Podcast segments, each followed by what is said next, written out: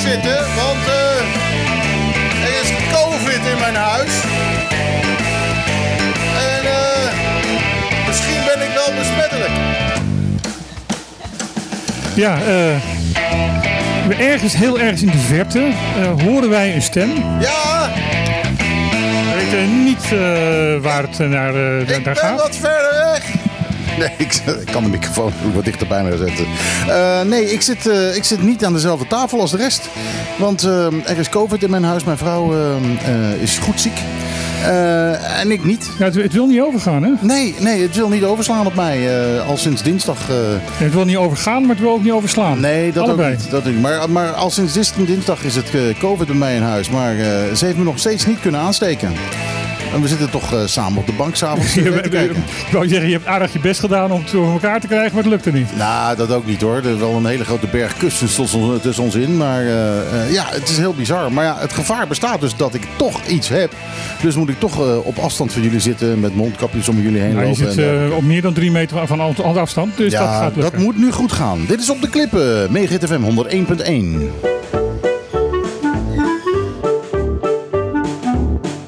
zaterdag tussen 12 en 2. Michiel, Martijn, Lisan. Wat een feest! Dit is op de klippen.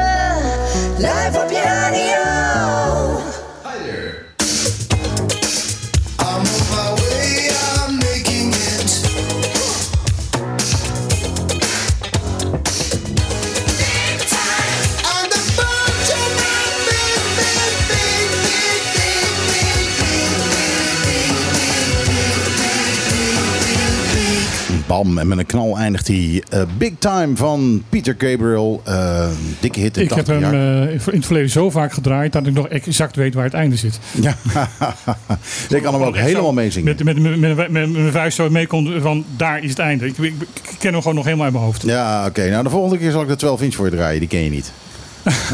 die is niet zo heel veel langer, maar eh, eh, die heeft een andere, eh, andere intro. Nee, maar gewoon sowieso, we hadden het er net tijdens, de, tijdens de, de muziek hadden het erover. Want dat zijn eerste plaat, of tenminste zijn, zijn niet zijn eerste plaat, maar, maar zo was gewoon een geniale plaat. Ja, dat was de vierde al. Was dat tot de vierde? Ja, volgens mij de vierde. Misschien zelfs de vijfde. En hij heeft maar- volgens mij da- daarna ook nooit meer dat niveau eh, weten te, te, te, te reproduceren. Nou, ik, het, het album daarop had hij ehm, Digging in the Dirt onder andere. En eh, wat was die andere nou ook weer? eh, eh, nou ja, in ieder geval, die, die, die waren nog wel een beetje Ja. eh, van dat soort. Maar daarna werd het een beetje... beetje Nee, zo was, was in alle opzichten, want ook eh, de, de, de videoclips die wij bij de, bij de hits hoorden, zoals eh, Sledgehammer, dat, Ja. dat was geniaal. ja, de man is natuurlijk ook eh, van oorsprong eigenlijk een, een, een kunstenaar. Ja, Hè?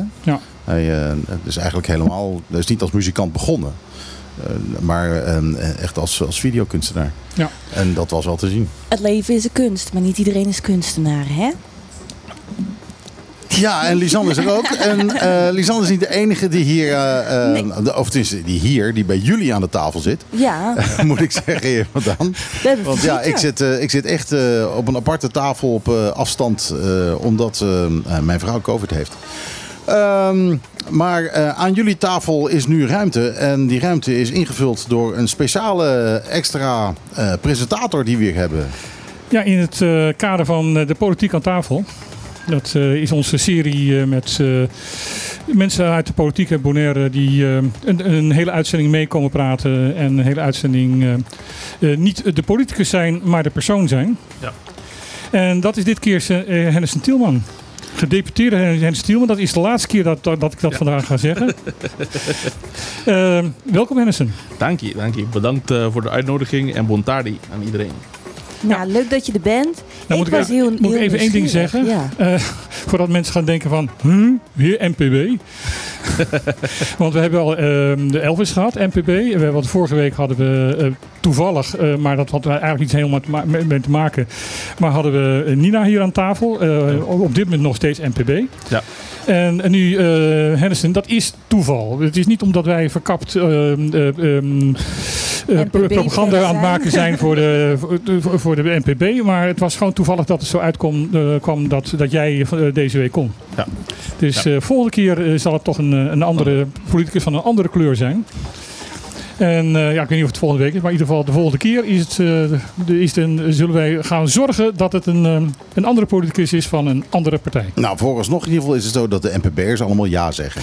En da- dat, moet, dat compliment moet ik inderdaad eh, Ja. het NPB geven. Dat, eh, dat jullie inderdaad eh, allemaal hebben zoiets van, oh, hartstikke leuk, we komen. Ja, zeker, zeker. Ik vind het gezellig om aan tafel te zitten met jullie vandaag. Nou, zijn er, hebben we ook wel de bekendste NPB'ers gehad, hè? Want ik ken geen andere, moet ik je zeggen. Ja, Ze zijn er wel. groep, ja. Ja, ze zijn er wel, maar ik ken ze niet. Ja, ja. Ja, wij zijn degene die meest in de voorgrond zitten. laten we zeggen. Ja. Maar er zijn nog veel meer. Ja, zichtbaar Ja. zijn. Ja. Ga, ga jij wel door met de politiek? ja ik ga door, ja. Jij, jij bent gewoon weer verkiesbaar. Ja, eh, kijk, ik denk als je echt eh, verandering wil brengen en echt stappen wil maken, dan heb je gewoon tijd nodig. Dus eh, we moeten gewoon meer. ehm, ik zou graag nog door willen om eh, wat dingen waar we mee begonnen zijn, om die door te zetten. Ehm, zeker om bijvoorbeeld als je het OLB pakt eh, als organisatie, de echte, de culturele eh, verandering dat je daar wil brengen, dat neemt gewoon tijd. Mhm. Dus eh, vandaar dat ik wel door wil gaan. En je bent nog niet zo oud ook, hè? Nee, 33. 33? Ja. Is, ben je de jongste NPB'er die... ehm, Eh, de jongste MPB'er denk ik niet. Eh, maar wel op deze zo'n functie dan wel. Ja. Ja. ja. Ja, ja. Wat bijzonder. ja, er zijn er niet veel partijen die een jong iemand op een eh, hoge functie zetten. Nou, we zitten nog lang aan hem vast, dat hoor ik wel. Ja. Ik zou nog maar even aardig Ja, maar blijven. genoeg wel, ja. Ja, want er zijn een paar oude eh, politici op het eiland die eh, tot eh, ongeveer hun pensioen zijn doorgegaan. Ja. Dus eh, we hebben nog eventjes te gaan. ja, precies. Ja, en dan gaan ze met pensioen en dan komen ze terug. dat heb je ook nog. Dat heb je dan ook nog, ja. ja. Ja. Maar eh, oké, ehm, jij, ehm, ja, de, de bedoeling is, even voor de mensen die dat niet eerder hebben meegemaakt, eh, dat eh, bij eh, Politiek aan tafel eh, mensen inderdaad, niet, jij zit hier niet als, ehm, als, als gedeputeerde eh, Tielman, jij zit hier als eh Hennissen met het idee van eh, wij willen eh, luisteraars de kans geven om verschillende politici gewoon persoonlijk wat beter te leren kennen. Ja. Ehm, Dat neemt niet weg dat we echt wel wat politieke vragen zullen stellen. Ja, Kijk, absoluut. eh, die, moeten ja. we gewoon uit, de weg eh, krijgen. Eh, laten we wel zijn. eh, Ja. We hebben het al heel veel over Bachelor Beach gehad in het Ze verleden. branden op mijn tong. Ehm, en, je, en, en, je, en je weet gewoon, je weet gewoon als, als ik aan de tafel zit eh, Ja. en Hennison zit aan de tafel, dan moet het daar even over gaan natuurlijk. Ja, anders ja. blijft er zo'n olifant in de, in de ruimte staan. Ja, Ja, Dus, ja, eh, precies. Dat, dat moeten we ook zien te voorkomen. Precies. Nee, we gaan het ook niet uit de weg, maar het is de bedoeling. Kijk, eh, we, we, hadden, we hebben over te praten hier van wat gaan we doen met, met de verkiezingen. Eh, gaan we eh, alle eh, lijsttrekkers en een aantal andere mensen van de politieke partijen uitnodigen. ehm, eh, die wel een half uurtje, drie kwartier interviewen. Na een half uurtje meestal.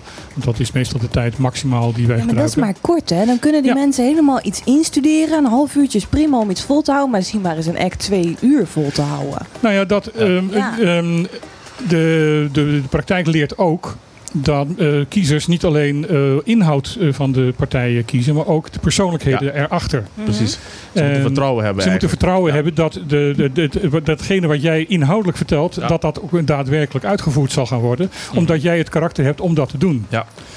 Ehm, en, en daarom vonden wij het belangrijk dat, dat ook mensen, gewoon, eh, mensen eh, politici, gewoon persoonlijk leren kennen. En Precies, dat ja. gebeurt in twee uur. Als jij gewoon over alle mogelijke onderwerpen. Ik, bedoel, ik Ja. heb hier een eh, hele lijst met eh, onderwerpen die wij de- deze week zouden kunnen behandelen. Dat Ja. betekent niet dat we ze allemaal gaan behandelen. Ik denk, hebben wij ooit een keer een uitzending meegemaakt dat we alle onderwerpen hadden behandeld? We hebben altijd meer onderwerpen dan dat er tijd is. Eh, en als, je, als je alle onderwerpen zou willen doen, als ik eventjes op de lijst kijk, dan zie ik hier zo eh, gauw een of 30 onderwerpen. Precies. Nou, nou, dat betekent dat je, dat, dat- Ja. dat je wat, eh, eh, Dat je- drie minuten per onderwerp zou kunnen praten. Nou ja, dan kom je natuurlijk Dan nooit kom je nergens. diepgang. En wij, wij praten erg graag. We horen onszelf heel graag. En bovendien schijn ik ook iedere keer muziek te moeten draaien. Dus Ja, eh, ja, ja, ja, we- eh. Anders wordt Ron boos, want we, het is een muziekzender. En dan wordt, anders wordt er te veel gepraat. Ehm, dus ja, ehm, Ja. Wij, wij maken altijd daar een keuze uit. Dat is heel prettig, omdat je nou ook gewoon, eh, gelang de stemming er is, is en, en de, de sfeer er is. En, en eh, je, je kan kiezen welke soort onderwerp je kiest, omdat je genoeg hebt om uit te kiezen. Ja. En ehm, ik draag die, die, die dingen aan. Ik heb de meeste artikelen die erachter zitten, heb ik ook gelezen. Mag Eh. ik dan de eerste opgeblazen olifant eh, lek prikken? ja, alsjeblieft. Ja, oké, ga je gang. Nou, we zijn gisteren naar de rechter geweest. Ja, eh, Ja. rechtszaak ehm, eh, ODK versus OLB. Ja. Wij hebben twee ehm, beroepsgeschriften hebben wij geschreven naar de, naar de rechtbank. Eh, aan de hand van ehm, ja, eigenlijk ehm eh, WOP-verzoeken. Al is de ene, eigenlijk was het eigenlijk geen WOP-verzoek. Ja, precies. Naar aanleiding van twee WOP-verzoeken die we hebben ingediend. Eentje over eh, Bachelor Beach, over het reilen en zeilen. eh, hoe dat nou helemaal in elkaar zit. En eigenlijk ook om een beetje, eh, ja, eh, gewoon de vinger aan de pols te leggen. Ja. Hoe dat gegaan is en, en waar dat dan heen gaat. Ehm, en het andere ging over asbest. Ehm, Asbest op bij het voormalige Coco Eh, ja, asbest op, eh, op, op Sunset Beach, wat Ja. nu eh Shogogo Beach is, denk ik. Ehm, en ja, we hebben gevraagd om informatie over asbest daar. En we hebben heel weinig gekregen. Echt te weinig. En, en wat, we, wat we kregen, zag er gewoon uit alsof er gewoon nog veel meer moet zijn. Eh, we weten ook door eigen, eigen onderzoek, door onze eigen journalistieke inspanningen, dat er meer is. En dat is gewoon niet eh, eh, aan ons verstrekt nadat we een WOP-verzoek hadden ingediend. Dus daar ging dat over. En nou ja, goed, alles wacht natuurlijk nog op een beslissing van de rechter. Maar wij hadden zelf het gevoel dat we in ieder geval begrepen werden door de rechter. En dat Wij werden wel begrepen door de rechter, dat had ik gevoel had ik ook. En ehm, ik ging eigenlijk redelijk verbijsterd de zaal uit. Eh, omdat ik eh, de rechtszaak ehm, ingegaan ben met het idee van eh, er is nog veel meer informatie. Ja. Ehm, en dat moet komen. En dat ik toen ik wegging, tot mijn starre verbijstering kwam van ze hebben echt niks meer. Ja, daar lijkt het echt op, hè? Dat ze echt niks hebben. Maar dat is wel problematisch. Nou ja, dat is, vind ik, een, een- en daar wil ik ook even met Ja. jou over hebben, Henderson. Eh, mijn indruk op dit moment, eh, zonder veel eh, de- details, omdat dat eh, officieel nog steeds onder de rechter is. Hij gaat eh, ja. voor eh, 6 november gaat hij, eh, gaat, gaat hij uitspraak doen. Ja, 4 Uiterlijk- november. Zei je? 4 november. Vier- oh, ik dacht 6 november. 4 november. Eh, gaat hij uiterlijk uitspraak doen, eer- waarschijnlijk eerder. Eh, dus eh, we kunnen niet al heel erg veel details geven. Maar wat mij opviel was van, eh, dat ehm, de juristen die namens de OLB zaten echt overtuigd waren. Er is niet meer. We hebben gezocht en er is niet meer. Ja. Ehm, ik heb een, wij, wij hebben een, een eh, journalistiek onderzoek gedaan. En dan is het eigenlijk heel raar om dan te constateren dat wij met een simpel onderzoekje, want het was niet zo ingewikkeld, het was niet zo moeilijk om alles boven water te krijgen, Nee, helemaal niet. eh, meer weten dan het OLB zelf. Ja. En dat vind ik heel zorgwekkend. Ja. Bedoelt OLB zelf? Of bedoel je dan ehm, dat er de informatie die bijvoorbeeld JZ kon krijgen, bedoel je dan? Nee, wij hebben informatie gekregen van hun, een, eh, um, een pdfje van vier pagina's met een fotoreportage over mogelijke plekken waar, ehm, Asbest? eh, waar asbest zou liggen. En zij zeggen, ja, we weten niet vandaan komt, wanneer het Ja. ge- gemaakt is. En wij konden zeggen van, nou, het is in dat jaar gemaakt door die en die onderzoekster. En ze En, hadden het ehm, neergelegd bij en de- de en- en- afdeling ruimtelijke ordening en dan voornamelijk natuur- en milieuafdeling. Ja. Daar hadden ze het bij neergelegd en geen respons van gekregen. En de begeleidende brief waarvan ik weet dat die ook bestaat. Omdat ik namelijk gesproken heb met degene die het onderzocht heeft. En die heeft mij toegegeven van, eh, ja, eh, dat heb ik gemaakt. Ja. Degene die de brief geschreven heeft. En brief Ja. geschreven dus we heeft. weten dat die bestaat. Ja. Die hebben ze niet. Er is in 2018 ook nog een onderzoek gedaan waar aan aan- aanleiding van Richard Duin, de, de, de plaatselijke eh, asbestspecialist, een aantal hotspots, waaronder de voormalige garnalen eh, kwekerij, eh, asbestvrij heeft gemaakt. Ja. Ook dat onderzoek en die resultaten en de opdrachten om dat op te ruimen, die zijn dus ook allemaal verdwenen. Ja. Dat is zorgelijk. Ja, zeker. Ik, ik, kan het, ik kan het zeker begrijpen. En dat, dat is ook de reden waarom we zeggen... Ik doe weer de, de eh, gedeputeerde pet op. Reden waarom we denken en heel veel aandacht hebben besteed... in de afgelopen jaar in digitalisering van, van het ambtelijk apparaat. Want zoveel dingen zijn nu gewoon op papier... maar die raken kwijt. Die, die kun je niet terugvinden. dus- terugvinden. Dus, dus het beeld wat wij, wat wij nu uit de rechtszaak hebben gekregen van ehm, dingen worden niet goed gedocumenteerd en worden niet genoeg, ge- goed gearchiveerd, dat klopt dus. Het kan zo zijn dat ze wel in het ar- archief zijn, maar het ligt eraan welke naam ze het precies hebben gegeven. Bijvoorbeeld als ehm, iets bijvoorbeeld eh, onder de naam van Coco Beach staat en je zoekt Sunset Beach, krijg je het niet. Ja. Dat, soort, dat soort dingen. Dus- En dat, dus- dat, Ze gebruiken te weinig tekst. precies te, te weinig tekst of het, het ligt eraan hoe je dat hebt ehm, eh, beschreven. Dus dat is allemaal dingen die kunnen gebeuren. Het kan ook zo zijn dat het gewoon verdwenen is. Dus dat, dat hebben we meerdere keren ook meegemaakt. Ja. Het probleem is alleen dat als je eh, dit soort dingen probeert te onderzoeken en, Ja. en je stoot aan zoiets als dit je hoofd, dan ga je afvragen waarom. Ja. Eh, en, eh, Ja. en welke conclusie er ook aan moet verbinden. Of het is dat, eh, dat er onzorgvuldig is gehandeld. eh, Ja. Of dat je zegt van ja, eh, dit is gewoon ergens onder het tapijt geschoffeld. Omdat er gewoon eh, ja, andere motieven zijn geweest waarvan men niet wil dat ze naar buiten komen.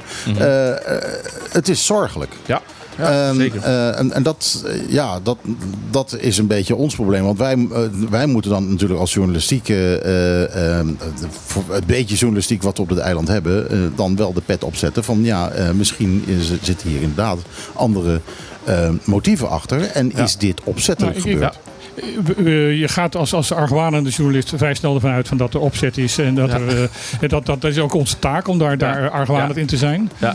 En daarop eh, op, op Q4. En ik ben eigenlijk ja, een beetje verbijsterd die rechtszaal uitgegaan van...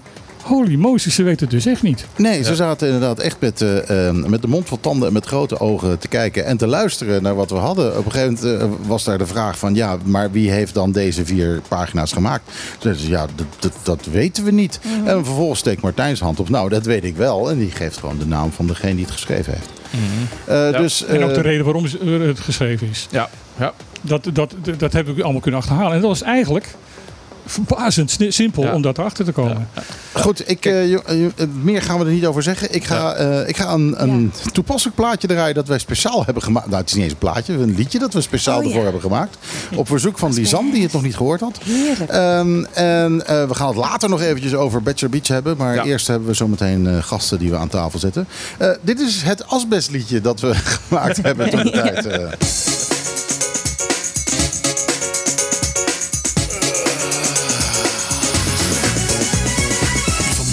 Stond ik op en keek uit het raam. Het was een prachtige zonnige dag. Ah, dus ik ging naar buiten en stapte in mijn auto. Ik reed naar het strand en ik regelde een lichtbedje. Ik rekte me uit en ik vulde mijn longen met Asbest. kleine deeltjes Asbest, in de lucht. asbest, Als ik adem, als ik zucht. Boven zee en aan de kant. In de moenie En op het strand, het OLP verbiedt plastic zakjes. Oceaanvriendelijke zonnebrand is een ding. Er wordt gecontroleerd op alcohol. Maar overal op het eiland, ja, kleine deeltjes in de lucht. Als ik adem, als ik zucht, boven zee en aan de kant. In de moenie en op het strand. Het is wel leuk, dat beachtennis, maar ik raak zo buiten adem. En dat bier bij Coco Beach, dat sloeg altijd zo op mijn longen. Nou weet ik waarom.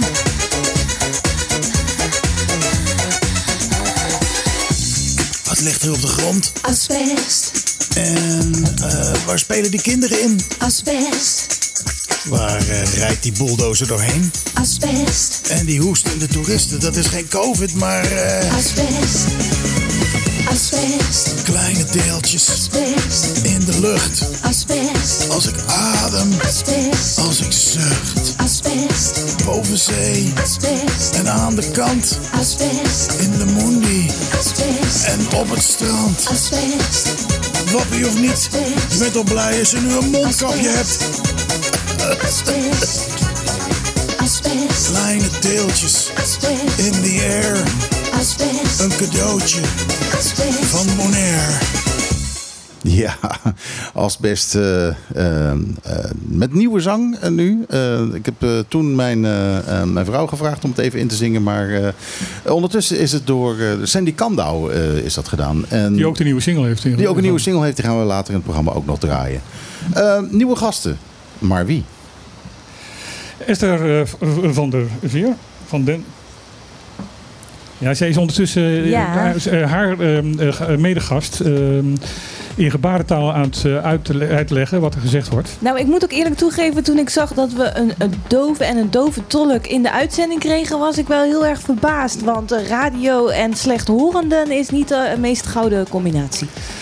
Ehm, Het is vandaag eh Werelddovendag. Oh, kijk. Dat zijn alle oude opa's en oma's. ehm, en om die reden eh, zitten hier Esther van der Veer en Eva Westerhof. En, eh, ja, en, jij, moet, jij moet wel even in de, in de microfoon praten, Esther, want anders horen wij... eh, ja, precies. En Esther heeft gezegd, eh, Esther is, is en ehm, is als zodanig. Ik praat natuurlijk heel snel, dat is ook een probleem. Eh, is Esther ook de dove tolk die wij achter de gezaghebber staan eh, Nou, geen- vertolken? Zegt Eva. ja, je moet heel het, dicht. ge- het heet tolkgebarentaal. Tolkgebarentaal. Dat is geen dove tolk. Ah. En eh, Esther tolkt niet alleen voor dove mensen, maar ook voor horende mensen uit. Ja, maar jij moet wat dichter bij de microfoon gaan zitten, want anders dan, eh, schiet het niet op.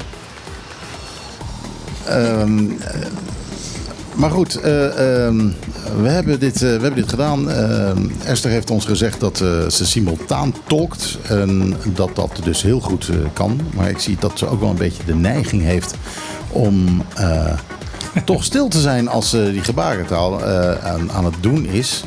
En ehm, ja, goed, het, het is een, het is een experiment, laat, ik, laat ik het zo zeggen. Wat is dit? Esther, oh, ik, ik wil graag een, een vraag aan Eva stellen. Ehm, wat betekent voor jou... eh, eh, eh, Wacht wie- even, wacht even. Misschien dat Eva eerst even moet, eh, moet zeggen, of Esther moet dat denk ik even vertellen. Ja, wie is Eva? Wie is, Wie is Eva? Eva? Wacht, ho, ho, ho, ho. Ehm, ik, ik, ga, ik ben Eva Westerhof, ik ben doof. En ik communiceer in gebarentaal. Je hoort mijn stem dus niet. De stem die je nu hoort, dat is Esther. En zij is tolk gebarentaal. Ze is dus niet dooftolk, maar tolk gebarentaal. En zij vertaalt alles wat ik gebaar naar gesproken Nederlands. Dus je hoort de stem van Esther, maar ik, het is mijn verhaal, het zijn mijn gebaren. Is dat zo duidelijk? Helemaal. Het is ook een schitterend gezicht, want eh, Eva is ook een hele mooie vrouw in een mooie rode jurk. En die zit dan al die gebaren te, te maken. En het ziet er gewoon heel schitterend uit. Ja, allemaal even komen bekijken bij de Trocadero. Maar het is vandaag dus Werelddovendag. Wat houdt dat precies in? Ja, Eva, wat, wat houdt eh, de Werelddovendag in? Nou, elk jaar heb je, even kijken hoor, de derde, derde, dag, daar, ja, derde week van september heb je Wereldoverdag. En 1,5 miljard dove mensen zijn er op de wereld. Wauw. En wij zijn heel erg trots ja, op onze taal. Want heel veel mensen zeggen, eh, oh een dove kan niet werken, die kan helemaal niks, die heeft geen talenten, helemaal niks. Maar we kunnen alles. En wij willen natuurlijk de gebarentaal eh, promoten, want het is een prachtige taal. En de Nederlandse gebarentaal is eigenlijk pas officieel eh, eh, erkend. Ehm, naast het Nederlands en het Fries is eh, Nederland de gebarentaal nu eh, een officiële taal in Nederland. Dus het is de derde taal. Dus we Of kunnen officieel, in drie eh, talen communiceren in Nederland. En Papiamento natuurlijk ook. Die, die, komt ook nog, denk ik. Maar is gebarentaal officieel eh, erkend door het eh, handvest van eh, Europe- eh, eh, Europa voor, do- eh, voor minderheden? Ja, ja, ja, en, eh. In- deel 3? Ja, joh, ik heb enorm, enorm gelobbyd. En we hebben een wet geschreven, zeg maar, aan, aangepast. Die hebben we aangeboden, aangeboden aan de Tweede Kamer in Den Haag. En eh, die hebben die wet aangenomen. Ja. Maar is dat eh, in deel 2 of in deel 3 van het, van het manifest? ja, het is gewoon... We hebben een eigen wet geschreven. Mhm. En de overheid, om de overheid te verplichten om ja, de gehele communicatie en eigenlijk alles naar gebarentaal te kunnen eh, laten tolken. En eh, als je bijvoorbeeld naar justitie moet, dan heb je tolken nodig. Eh, ja, noem maar op. eh, zodat er ook meer communicatie kan worden verspreid. Mhm. Is En bijvoorbeeld ook tijdens de eh, persconferenties. Als je daar keek, toen was er natuurlijk ook een eh, gebarentaal aanwezig. En hier op Bonaire trouwens ook. Eh, maar Nederland heeft dat wel eh, geïnitieerd. Die was eigenlijk wel de eerste. En eh, ja, het moet gewoon eh, overal te zien zijn. Op televisie, op journaal, eigenlijk overal. En dat was de bedoeling. Dus, eh, en op deze manier kan je, door de gebarentaal is alles natuurlijk veel toegankelijker. En heb je veel meer gelijkheid voor de mensen. En iedereen is dan eh, ja, wat inclusiever. Is gebarentaal in elke taal hetzelfde? Nee. Oh, Gebarentaal is niet universeel, zeg maar. Ieder, Ja. Elk land heeft zijn eigen gebarentaal. Bijvoorbeeld hier op Bonaire heeft... Ja, Bonaire is natuurlijk een bijzondere gemeente van Nederland. Dus hier wordt de Nederlandse gebarentaal gebruikt. Ja. Ehm, maar bijvoorbeeld als je naar België gaat, daar spreekt men wel de Nederlandse taal, zeg maar. Maar de gebarentaal is anders, of het Vlaams dan. In Amerika hebben ze een andere gebarentaal, eh, zeg maar. Eigenlijk hetzelfde als gesproken talen over de hele wereld. Je hebt ook niet één gesproken taal. Ja, dat zijn verschillende talen. Goh, bijzonder zeg. Ja, ik vind het een mooie taal overigens. Dus, eh, Ja. Als, als, als tolk, eh, Eva, ehm, welke, eh, welke taal, gebarentaal vind jij mooier? Nederlands of bijvoorbeeld Amerikaans?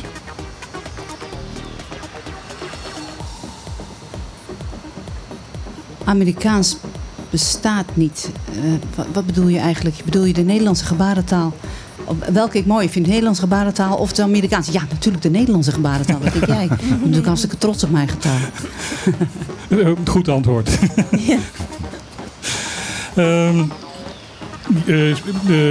even aan jou eh, een vraag, even. Oh, eh, Esther. Ik zal even duidelijk zeggen, Ja. ik ben Esther, dit is mijn stem. En ik ben nu niet aan het tolken wat Eva zegt, maar ik ben zelf aan het praten. Ja. Ehm, als je iets aan mij wil vragen, is goed, maar dan moet je even zeggen aan wie je de vraag Ja, ik- ik- stelt. daar- want dan daar- weet daar- ik het ook. Da- daarom zei ik ook heel nadrukkelijk Esther erbij. Ehm, is, is het lastig om, om verschillende eh, gebarentalen te, te leren? De verschillende, ja, de verschillende versies van de gebarentaal? Of, of lijkt het toch wel zover op elkaar dat, eh, dat jij als tolk eh, meerdere talen kan, eh, kan spreken? Ik kan maar één gebarentaal. En dat is de Nederlandse gebarentaal. Die heb ik gestudeerd. Heb ik vier jaar gestudeerd in Utrecht, in Nederland. En ik ben tolk Nederlandse gebarentaal. Toevallig, ik heb een beetje last van de microfoon, omdat ik ook moet gebaren, zodat Eva mij ook kan volgen wat ik allemaal aan het gebaren ben. Dus ik moet om mijn microfoon heen gebaren. maar ik ga het proberen. Ehm, ik heb de Nederlandse gebarentaal geleerd. Ehm, ik ken wel een aantal gebaren uit andere eh, gebarentalen. Uit het eh, Spaans of ehm, Engels. Maar dat is eigenlijk hetzelfde als wanneer je eh, een gesproken taal van een ander land kent. Je kent altijd wel een paar woordjes. Maar ik kan alleen maar de Nederlandse gebarentaal, vanuit de Nederlandse gebarentaal tolken. Zijn er dat. eh, ja? En je kan ook, zegt Eva, eh, eh, je hebt de Amerikaanse gebarentaal, de Duitse en de Oostenrijkse. En die gebarentaal, die ken ik zelf, die beheers ik, omdat ik daar heb gewoond. En de Vlaamse gebarentaal ken ik ook aardig. Dus ik heb, ken een heleboel gebarentalen. Dus de Nederlandse taal eh, en ook natuurlijk de eh, ge- gesproken taal. Ik kan het lezen, ik kan eigenlijk heel veel. Ik, ben, ik heb nogal een talenknobbel, mag ik wel zeggen. Dus Eva, jij zou kunnen funge- fungeren als tolk tussen de mensen die Amerikaanse eh, gebarentaal spreken en de Nederlandse gebarentaal spreken. Ik kan niet tolken, want ik ben doof. En dan heb ik een tolk nodig nee, maar natuurlijk. dus tussen twee mensen die dus doof zijn. Oh, dat bedoel je. En de ja, ene, ja, en de dat ene, kan, ja. en de ene nee, spreekt ik Amerikaanse wel, gebarentaal en de ander spreekt Nederlandse gebarentaal. Ik heb één vraag als Sorry. tolk. Sorry. Als jullie door elkaar gebaren of praten, kan ik het niet tolken. Ik snap de beperking. Mijn vraag was van, van eh, bestaan er dus inderdaad mensen die doof zijn, die eh, tolken tussen Amerikaanse gebarentaal bijvoorbeeld Zeker, en zeker, zeker, Nederlands? zeker, zeker, zeker. Ja, bijvoorbeeld bij rechtszaken, dan is er een doof persoon die komt dan. Maar de communicatie in de gebarentaal is bijvoorbeeld van een laag niveau bij die persoon. Dan heb je een horende tolk. En daartussen staat dan een dove tolk, zoals je dat dan noemt. En dan heb je dus de dove persoon. Die horende tolk, bijvoorbeeld Esther, die gebaart dan. En de dove tolk, als ik dat zou zijn, die neemt het over. En die tolkt het dan voor die dove persoon. Die doet dat een beetje aangepast aan de stijl van wat diegene nodig heeft. Dus dat bestaat dan wel. Dat is een relay-tolk. Zo noem je dat. Of mensen die doofblind zijn bijvoorbeeld. Ehm, die gebaren met, vier hand, met, met hun handen. Met, ja, dan Hm. heet, dat heet vierhanden gebaren. En dove mensen kunnen dat ook doen. Die kunnen dat ook eh, tolken voor doofblinde mensen weer. Ik heb een vraag. Ja, kom Wat, maar. be- wat betekent doofblind? dat betekent ehm, dat je... Over het algemeen is het zo dat mensen die eh, niet goed horen of niet goed zien of ehm, niet goed... Weet je, het is eigenlijk een combinatie van slecht zien en slecht horen. Je hebt verschillende manieren. En ik ben zelf eigenlijk ook eh, slechtziend en doof. Maar goed, voor mij is dat allemaal prima. Ik kan er goed mee omgaan. Maar er zijn mensen die eh, heel weinig zien. Die hebben een beetje eh, een kokervisus. En die, eh, ja, die, kijken, die kijken naar je en die kunnen echt heel weinig. Die kijken zeg maar door een rietje. Ehm, en het is heel moeilijk voor die mensen om, je, ja, om te studeren, om werk te vinden, om dat soort dingen. Weet je, ja. Is het bekend eh, hoeveel doven er op Bonaire zijn?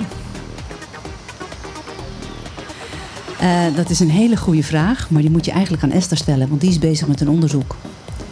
En eh, die, in dat onderzoek onderzoekt ze ook hoeveel mensen er zijn. Hoeveel had je er? 26, toch? Ja. Ze kan het beste zelf vertellen eigenlijk. ja.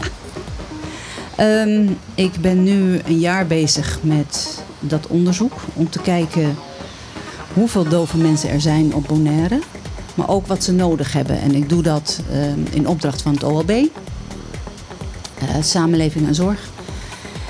En ehm, tot nu toe is de, het verzamelen, een beetje ehm, lelijk gezegd, het verzamelen van eh, alle dove mensen en de registratie daarvan, is wel gebeurd op Bonaire, maar niet centraal.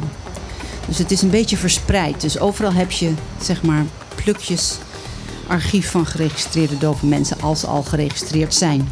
En dat laatste, daar ben ik nu mee bezig. Want ik heb eigenlijk nu wel een goed beeld van ehm, de bekende doven, laat ik het zo zeggen. En die bekend zijn bij de organisaties. Maar nu moet ik eh, de knoek in om te gaan aankloppen. Om te kijken of er mensen zijn die niet zijn geregistreerd. En dat heeft een beetje te maken met zeg maar, wat schaamte van mensen die denken dat als je doof bent dat je dan echt zwaar gehandicapt bent. Of ehm, sommige mensen die willen niet weten dat ze doof zijn. Of sommige mensen die weten niet wat ze kunnen doen als ze doof zijn. Nou, al dat soort dingen, die ben ik nu nog even aan het uitzoeken. En ik hoop dat mijn onderzoek in december klaar is. Heb je er iets eh, aan als wij in dit programma een oproep doen? Want, eh, is even een ander gesprek. eh. Ja, zeker. Dat kan. Ehm, dat helpt mij, omdat ik nu natuurlijk eigenlijk letterlijk met mijn auto moet gaan rijden en gaan zoeken naar mensen. En dat zoeken naar mensen, dat, ik kan dat niet aan een ezel vragen of aan een geit. Nee, je nee, moet maar echt je kan ook- mensen. je kan ja, je kan natuurlijk ook ook niet- vragen, maar je komt geen antwoord. Eh, je kan ook niet aan iemand zijn gezicht zien of die doof is. Nee. Dus ik moet het hebben van mensen die weten, oh vandaar eh, woont iemand of eh, ik ken nog ook wel die. En het is, het gebeurt nu al en het gebeurt vaak dat ik die persoon dan al ken. Maar het is ook gebeurd dat ik die persoon niet ken. Dus ik ben er altijd heel blij mee. Neem je ook mensen die door ouderdom eigenlijk ehm, slecht horen? Neem je hun ook mee in jouw onderzoek? Nee. Nee, mensen met presbyacusis. Dus de ouderen van, eh, ja, na 70, laat ik het zo zeggen. Die hebben ouderdomsdoofheid. En dat is een ander verhaal. Want dat krijgt iedereen, denk ik. Ja. Ja, en dat zijn ook geen mensen die bijvoorbeeld met eh, gebarentaal eh, ge- geholpen zijn. Want Ja. eh, die, die gaan dat niet meer leren. Dat klopt, ja. Nou, sommige mensen zijn ook doof als ze al horen hoor. Nou ja, er zijn ook heel veel mensen die Oost-Indisch doof zijn. Juist dat, ja. ja.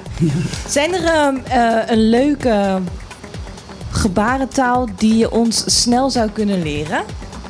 Een grappig woord, bijvoorbeeld Dat- op de dat, klippen. Dat, dat is lastig eh, op, Dat, op is heel vervelend voor de radio. ja, zullen we dat dan straks even tijdens het liedje doen vragen of ze dat ons willen leren? Ehm, nee, het is, eh, het is dus... eh, Ja, is wereld- goed hoor. het is Werelddovendag vandaag. Ehm, wat, wat ga je nog doen vandaag eh, daaraan? Vraag ik aan Esther of aan Eva? Dat vraag ik eigenlijk eventjes aan, aan Esther. En ik denk dat het antwoord misschien Eva wel eh, meeneemt.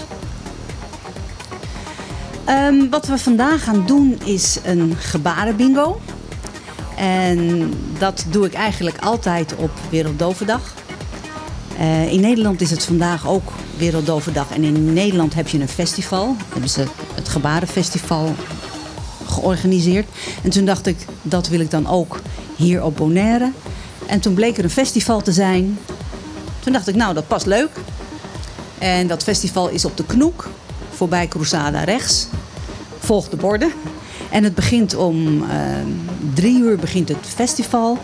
En de gebarenbingo begint om vier uur. En dan is er om half zeven ook nog een ronde. Er zijn twee rondes gebarenbingo's. Met leuke prijzen. Maar Uiteraard. wat, wat moet ik me voorstellen bij gebaren bingo? Nou, bij de gewone bingo krijg je een kaart met cijfers. En die streep je af. Ja, dus iemand, iemand noemt die dingen op.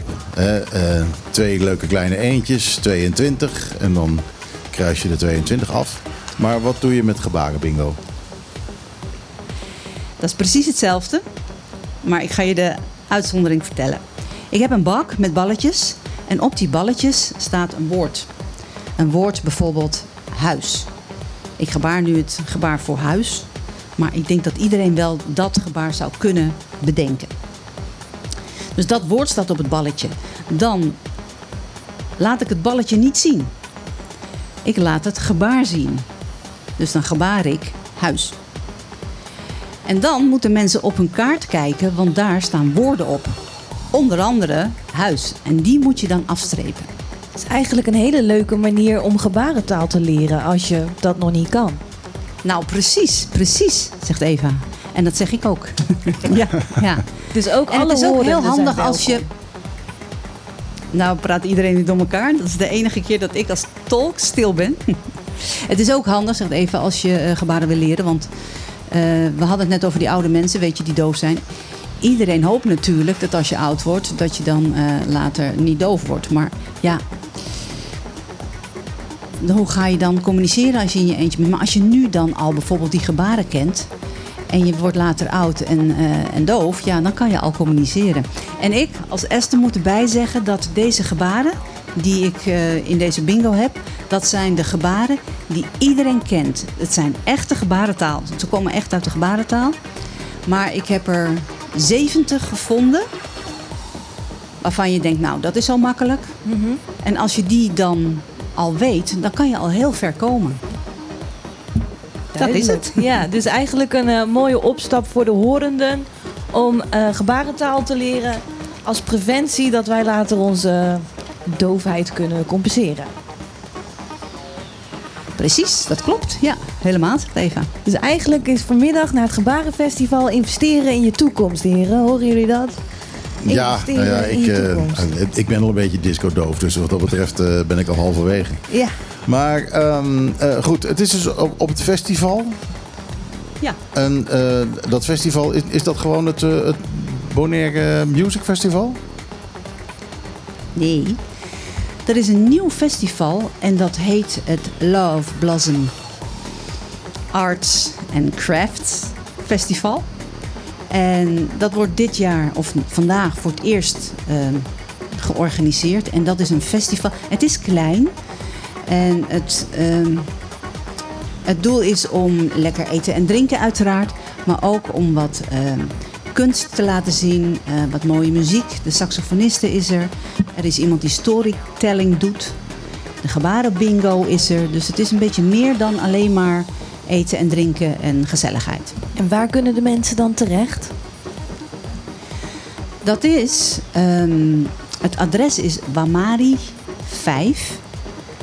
Dat is op de Knoek en dat is als je de Camino Lagoon afrijdt. Dan zie je aan je linkerkant op een gegeven moment Cruzada. En dan is het, heb ik uitgeteld, eh, nog zes elektriciteitspalen verder. maar er zijn ook borden die je de weg wijzen. En dan op een gegeven moment moet je rechtsaf. En dan ben je er. Duidelijk. Lijkt mij. Nou. Mali 5. Op weg naar eh, Lagoon. Als je nog een beetje tijd hebt vanmiddag, eh, ga even kijken zou ik zeggen. Ja, vanaf drie uur dus. En vanaf 4 uur de gebarenbingo. En ik wil eh, heel graag eh, Eva en Esther allebei heel hartelijk bedanken voor het hier zijn. En eh, het, was een, eh, het was een helder en duidelijk verhaal. Ja, en een, eh, en een boeiend experiment. Absoluut. Absoluut. Ik eh, heb eh zowaar een toepasselijk, zei het misschien een beetje ironisch plaatje gevonden. Hier is Jennifer Lopez met Let's Get Loud.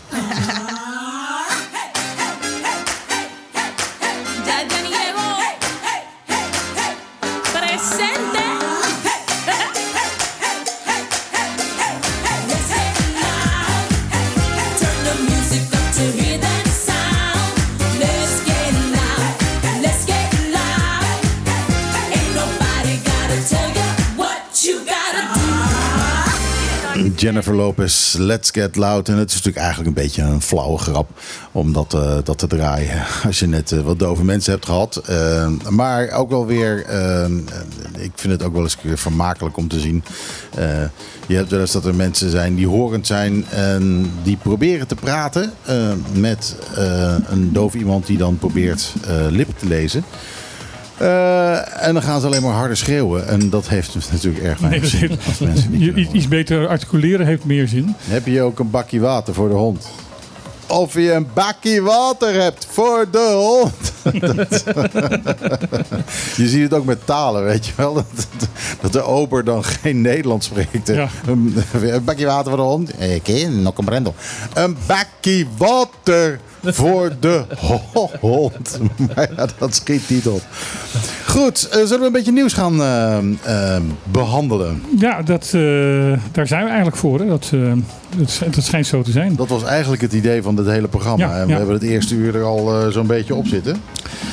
Ehm, er is de- van de week ehm, de miljoenennota is gepresenteerd. Prinsjesdag, eh, derde dinsdag van september altijd. Hoeveel woorden hadden we?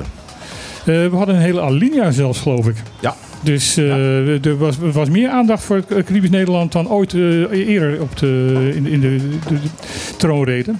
Maar was het een goede alinea of een slechte alinea? Nou ja, er wordt in ieder geval werd bekendgemaakt dat er voor de armoedebestrijding op eh Caribisch Nederland in ieder geval weer 16 miljoen extra wordt uitgegeven. Nou, dat is belangrijk, want Ja. we hebben steeds meer armen. Ehm, eh, wat vind jij ervan, Henderson? Nee, het is eh, mooi om te zien dat we continu zien dat we meer, dat ze meer aandacht voor de eilanden hebben. En dit is ook een goede, zeker goed nieuws om te zien hoeveel geld er getrokken wordt voor arm- armoedebestrijding, koop- koopkrachtverbetering. Eh, en ook bijvoorbeeld eh, belastingvrije voet.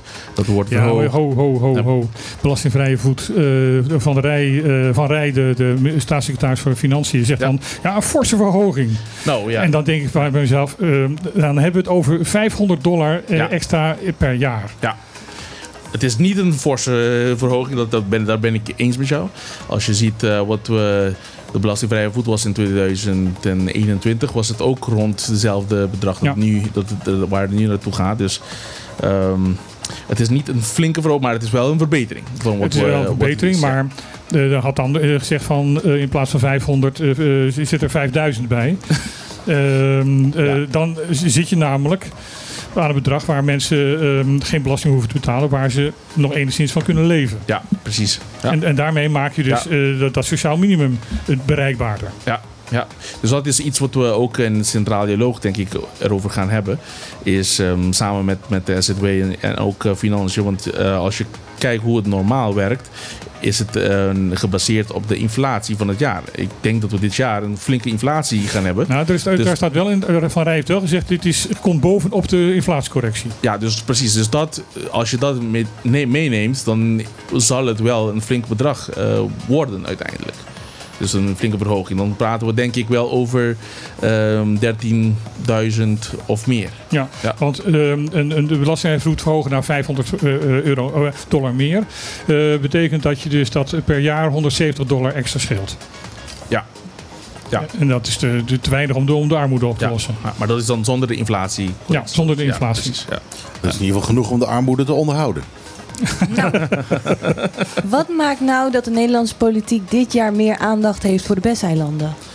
Ik denk dat het ehm, iets waar door continu blijven aangeven van hou rekening met ons en dat, dat wordt meer en meer door, door laat ik zeggen, de ambtenaren ook begrepen. Je ziet dat er meer aandacht wordt besteed. Er zijn ook mensen dedicated voor de Caribische, eh Caribisch Nederland. Dus het wordt denk ik continu meer door de aandacht die er continu wordt eh, gegeven aan de eilanden. Je ziet het ook meer in bijvoorbeeld eh, in, eh, als je nu.nl of eh Volkskrant leest, dan zie je eigenlijk merk ik nu dan meer aandacht voor, voor, voor Bonaire dan, dan Ja. voorheen. Er stond vandaag iets in de Volkskrant. eh, Dus dat vandaag wil ik het zo over hebben.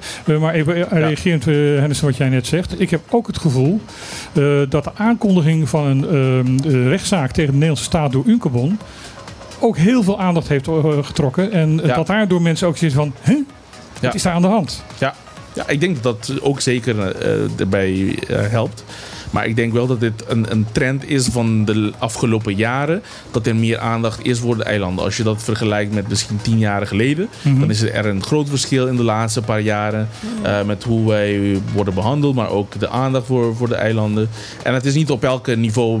Het, het verschilt per ministerie ook bijvoorbeeld. Mhm. Sommige ministeries zijn heel betrokken. Ja. Sommige minder.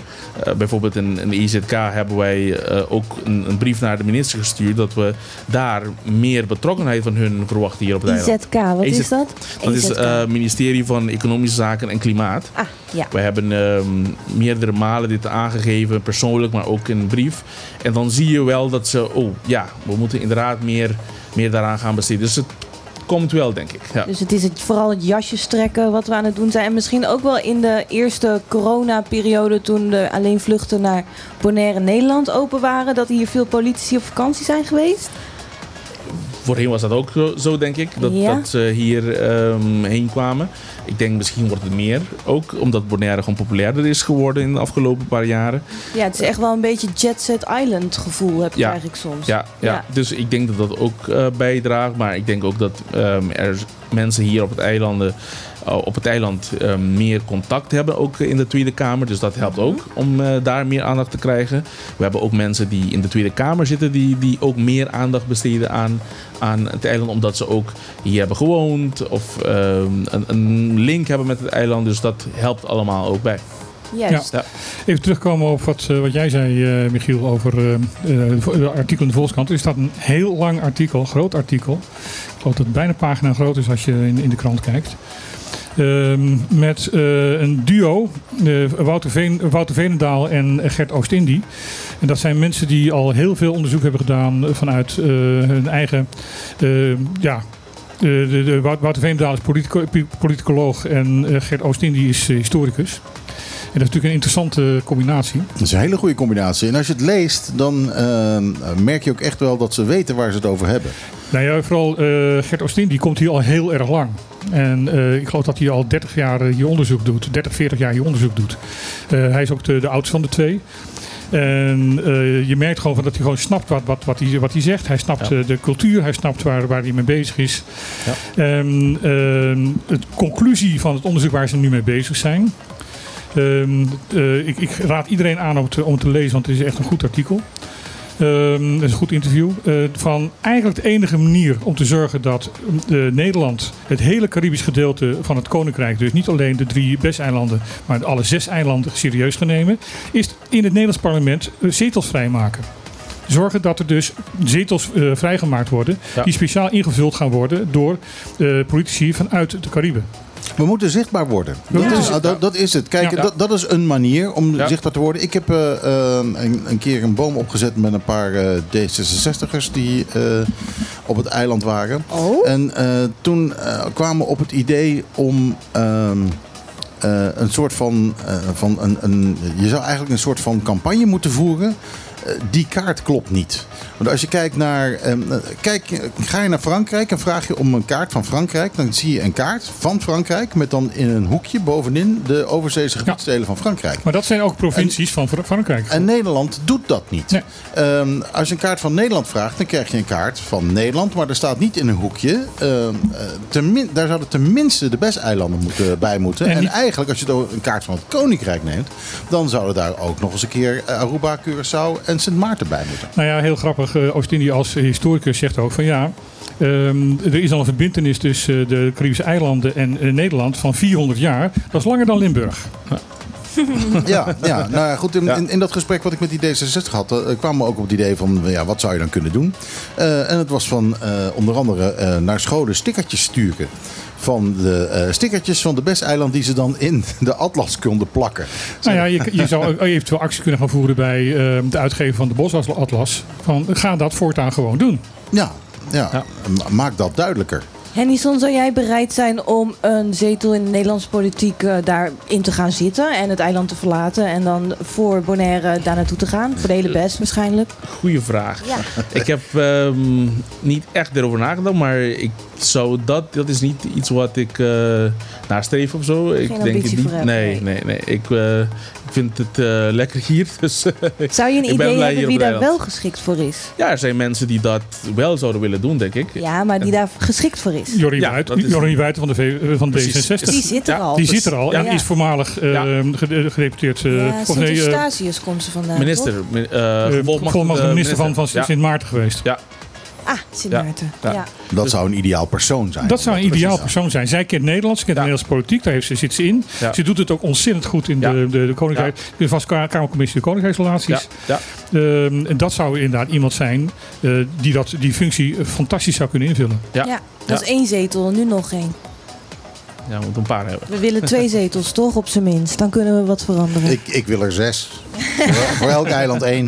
Wie- wie- wie biedt dat meer? zou het mooiste Ja. zijn. Dat zou het mooiste zijn. Maar van een, een Bonaireaan, iemand van het eiland, zou je niet kunnen zeggen van... Goh, die is zo, eh, daar zit zoveel talent in, studie er maar heen. Ja, ik denk wel dat er een paar mensen zijn hier op het eiland die dat ehm, zouden kunnen en willen doen. Ja? Eh, maar dan, dat, ja, ze moeten, ik denk dat dat, het gaat om verkiezingen. Hè? Dus ze zouden zich verkiesbaar moeten stellen. Het zou, eh, ja, het zou kunnen. Jorien heeft het gedaan, dus het zou wel kunnen. Mhm. Ja. Het, is wel een, het is echt een goed idee om te Ja. zeggen van nou oké, iemand die dan door de, eh, door de eilanden is gekozen om Ja. daar te zitten, om, om de eilanden te vertegenwoordigen. Eh, ik vind dat En, helemaal en, en die zou best ook wel een, een lid kunnen zijn van een Nederlandse partij. Dat maakt allemaal niet uit. Jo, voor 16 dollar eh, heb je een heel jaar lidmaatschap hoor. Dus dat, maakt, dat, dat doet het hem niet. Nee, dat, dat, bedoel, dat maakt allemaal niet uit. Ik bedoel, Ja. Jorien eh, Wuiten is, is ook eh, lid van D66. Zit namens D- D66 in de Tweede Kamer. Ja.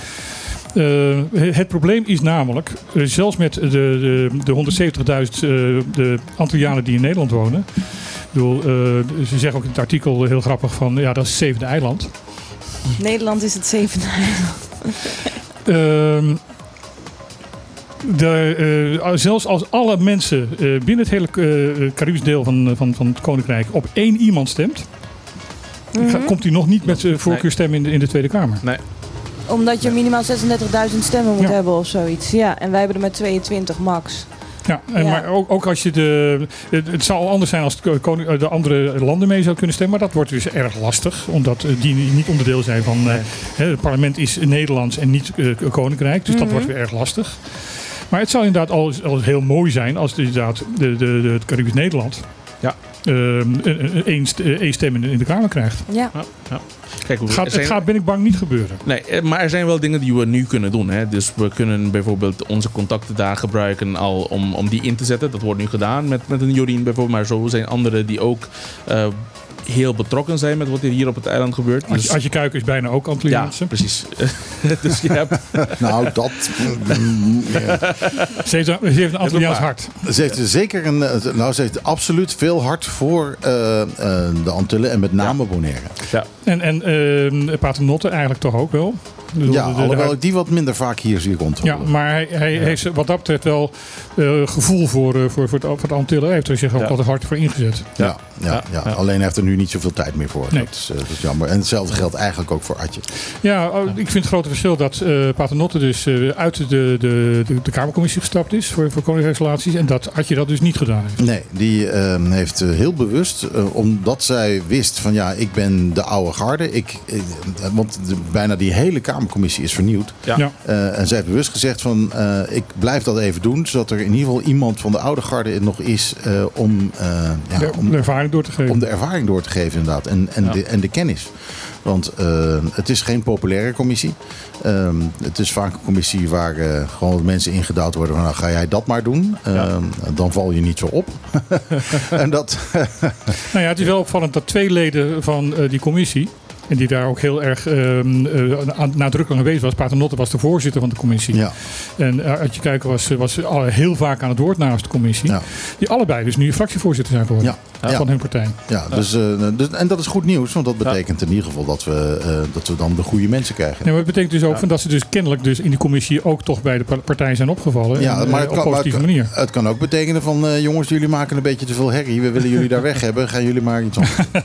zou Eh, kunnen, zou kunnen. Hè, dat, eh, eh, dat hebben we bijvoorbeeld ook gezien met eh eh, Gilbert Isabella hier. Die deed het gewoon te goed en die hebben ze weggepromoveerd. Hout is er blij mee. Hout is er heel blij mee, zeker. Eh, ik eh, wil weer een plaatje draaien. Ehm, Sandy Kandau is eh, een zangeres die in de 90s een keer een hit heeft gehad in Nederland. maar sindsdien heel lang aan de weg heeft getimmerd met, met live optreden her en der. Ze stapt morgen in het vliegtuig weer naar Bonaire. Komt ze twee weken hierheen. En ze heeft een nieuwe single. Ze heeft ook onze, onze tune opnieuw ingezongen. Dat heb je misschien gehoord. eh, eh, ja, dat... da- da- daarnet om 12 uur. Ehm, maar ze heeft ook een nieuwe single. En die single die gaan we nu draaien. Die gaat nu in première eh, op de Cariben. En die single die heet Kijk niet achterom. En het is eigenlijk, eigenlijk is het een beetje I Will Survive. Maar dan in een nieuwe versie met een klein beetje een, een Latijn, Latijns invloed. Nou, weet je wat? Luister maar. In de liefde is vertrouwen een groot woord. Maar op een dag zegt hij, daar heb ik nooit van gehoord. Hij ziet de wanhoop in mijn ogen. Heeft ook hij mij Loop je niet meer achterna, na, na, na, na, na, na. Pak je spullen, het is klaar, ja, ja, ja, ja, ja, ja. Loop je niet meer achterna.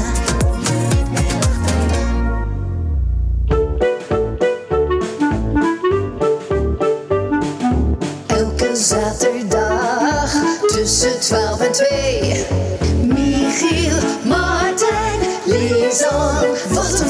Feest! Dit is op de klippen, live op je radio. Kregen we zo waar de jingle om kwart over één. ja, vroeger deden we wat vaker eh, gewoon het jingle doorheen te gooien. Maar om even te vergelijken. eh, ja, dat is dezelfde zangeres. Ja, Sandy Kandau met Kijk niet achterom, de perfecte break-up song. Ja, Ja. ja. nou, maar ja, zoals ik al zei, het thema is precies hetzelfde als, eh, als I Will Survive. Eh, eh, pak je spullen en, eh, en, En- oprotten maar. Vertrek en ik overleef het wel alleen. Ja, ja. Laat mij alleen met al mijn verdriet. Daar hadden wij het vorige week over inderdaad. Ja, Eh, ja, ja. Ik zou hem draaien, maar het is al een heel erg langzame tranentrekker. eh, dus dat eh, gaan we dan maar even niet doen. Nou, Ehm, we, hadden, we hadden het tijdens de, de plaat eventjes over... eh, ehm, eh, ja, Norbert Tadema. We hadden het over mensen die eh, van plan zijn een politieke partij eh, op te richten. Ja, En daar kwam dus ook eh Norbert Talema eh, langs. Norbert Tadema is hondentrainer. eh, en een hele goeie. Moet ik daar even bij eh, eh, eh, aan toevoegen. Want hij, is, eh, eh, hij heeft ook mijn honden alle drie binnen de perken weten te houden. hij heeft jou weten op te voeden. Eh, dat, dat is eh, hoe hij het zelf eh, graag mag, mag uitleggen. Eh, maar de man is eh, erg ontevreden over ehm, ja, het, met name het dierenbeleid op het eiland. Eh, eh, tot op het punt dat hij nu dus inderdaad aan het overwegen is om een eigen partij te beginnen. Ja, dus dan krijgen wij dus gelijk vragen naar ons toe van waarom ga je Norbert niet uitnodigen? Nou, daar hebben we een heel duidelijk antwoord op. Als wij alle mensen die van plan zijn eh, misschien een part- politieke partij gaan oprichten op Bonaire, dan zit heel Trocadero vol. Ellison, Ja. ben jij ook de politiek ingegaan uit ontevredenheid?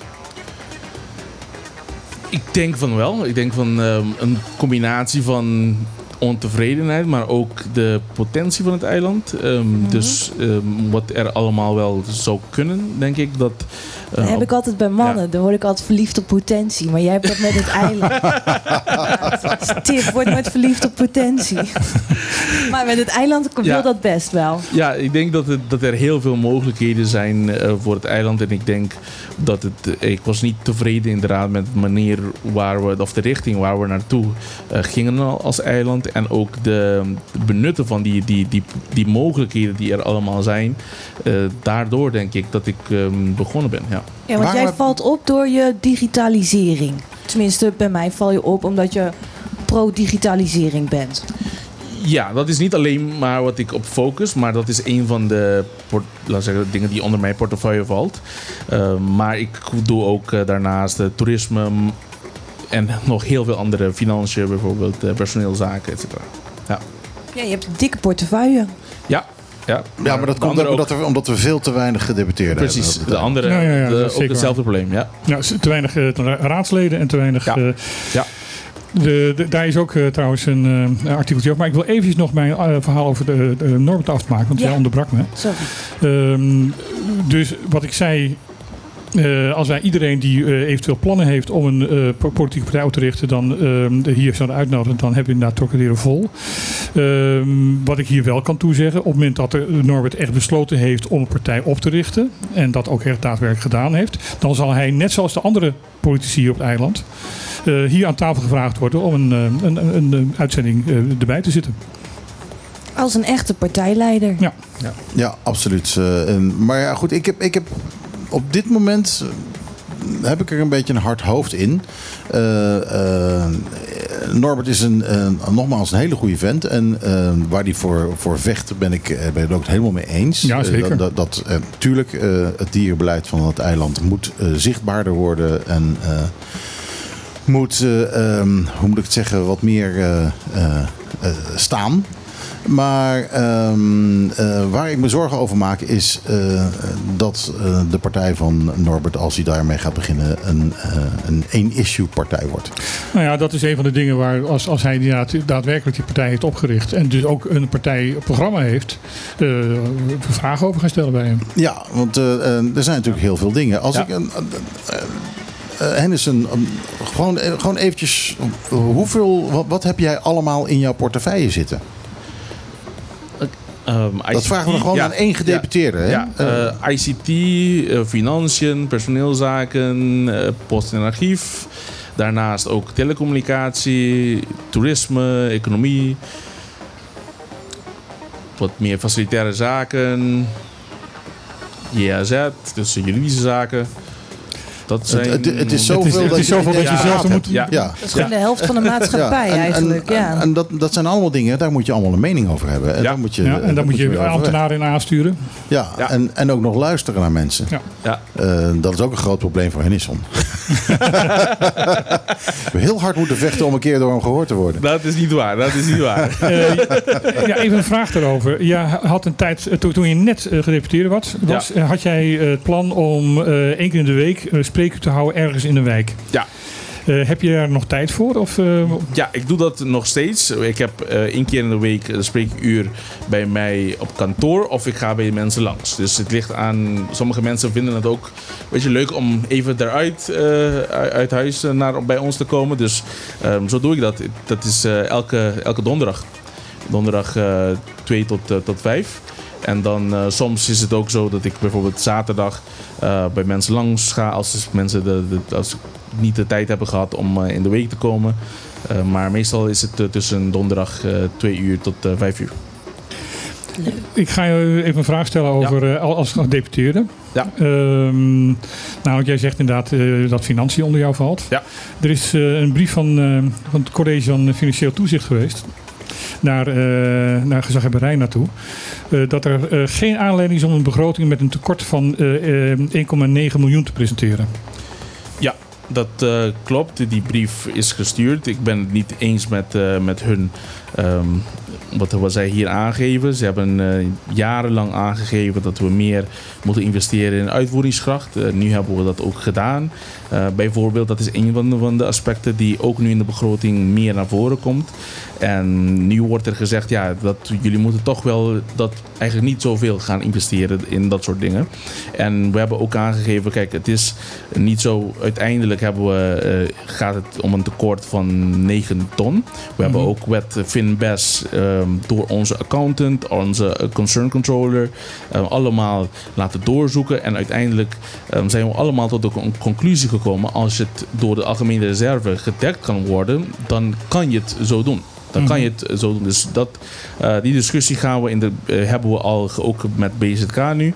Dus we zijn in gesprek met hun om dat eh, verder te bespreken. Maar het gaat om overschotten die er de afgelopen jaren, vanaf eh, 2018, eh, in de algemene reserve zijn gestopt. Die kunnen we dan nu inzetten om bepaalde stappen te maken. Maar eh, eh, komt dit ook niet dat de CFT dit zegt eh, omdat jullie constant eh, eh, een overschot overhouden? Dat, dat klopt ook niet volledig. Eh, Ik, ik zag een artikel van hun, ehm, of een brief van hun, dat uiteindelijk ook eh, in de pers is opgepakt. Waar ze aangeven dat we een flinke tekort hadden. Maar de meeste mensen begrijpen dat niet. En dat is de discussie wat Nou, ik de nu de- artikel schrijft, zegt van dat het eerste deel, het eerste kwartaal van Precies, dit het jaar, gaat om de eerste kwartaal van het jaar. Dus waar, waarbij je dus een overschot van 11 miljoen is geweest. Ja, precies. Dus dat is, dat is. Dat kun je niet vanaf het eerste kwartaal al aangeven. Dus dat, kijk, de meeste mensen die, die begrijpen niet al dit soort termen van, van eerste kwartaal rapportages en uitvoeringsrapportages. Dus je brengt mensen in de war door dit soort berichten naar buiten te brengen die niet kloppen. Het gaat niet om een overschot van, van het hele jaar, maar het gaat om een eerste kwartaal. Waarin er dan, ehm, ja, je kan zeggen, minder is gebruikt dan wat er zou moeten worden gebruikt. Maar dat is altijd zo dat in het eerste kwartaal dan begint het en dan krijg je de facturen pas later en dus die worden dan daarna pas verwerkt. Dus dat vind ik jammer Dus, dus, dat dit soort berichten naar buiten komen en dat geeft een hele foute beeld van hoe de situatie daadwerkelijk is. Maar het is ook een mogelijkheid voor jou om aan ons uit te leggen hoe de zaken nu wel gaan. Ja, het is een, ja, maar ik vind dat het, het is. Ik moet te veel dan in, in defense gaan om dingen uit te leggen. En dat, ik vind dat dat. We moeten zeker als we de discussie waar we het ook net over hadden. eh, meer communiceren, transparant zijn als, als overheid. eh, staan we zeker voor. Eh, dat probeer ik ook te doen met de begroting bijvoorbeeld. Om dat zo te presenteren. Eh, maar als er continu bijvoorbeeld door de CFT wordt gezegd: er is een overschot. En ik zeg: nee, dat klopt niet. Dan gaan mensen vragen: oké, welke moet ik geloven? Moet ik de politicus geloven? Ja, je wordt er ook een beetje moedeloos van, Precies, zeg maar. ja. Nee, ik, ik- ik zit hier gewoon om inderdaad jouw mening daarover te horen. Ja. En eh, ik heb daar geen oordeel over verder. Ehm, maar jij verwacht dus, als ik jou goed hoor, dat jij aan het eind van dit jaar gewoon op nul staat. Ja, kijk, eh, de realiteit van zo'n zeggen, organisatie en de manier waarop financiën is, je moet het zo zien. Er zijn heel veel begrotingsposten. Dus we praten over een heel, heel veel. Als je daar op, op één begrotingspost bij- bijvoorbeeld uiteindelijk ehm 1000 dollar overhoudt, op die andere en uiteindelijk als je alles bij elkaar telt, dan heb je bijna altijd wel een, een overschot. Dat is, dat is normaal ook bij een, een gemeente in Nederland. Het is normaal rond de 1 tot en met 3 procent.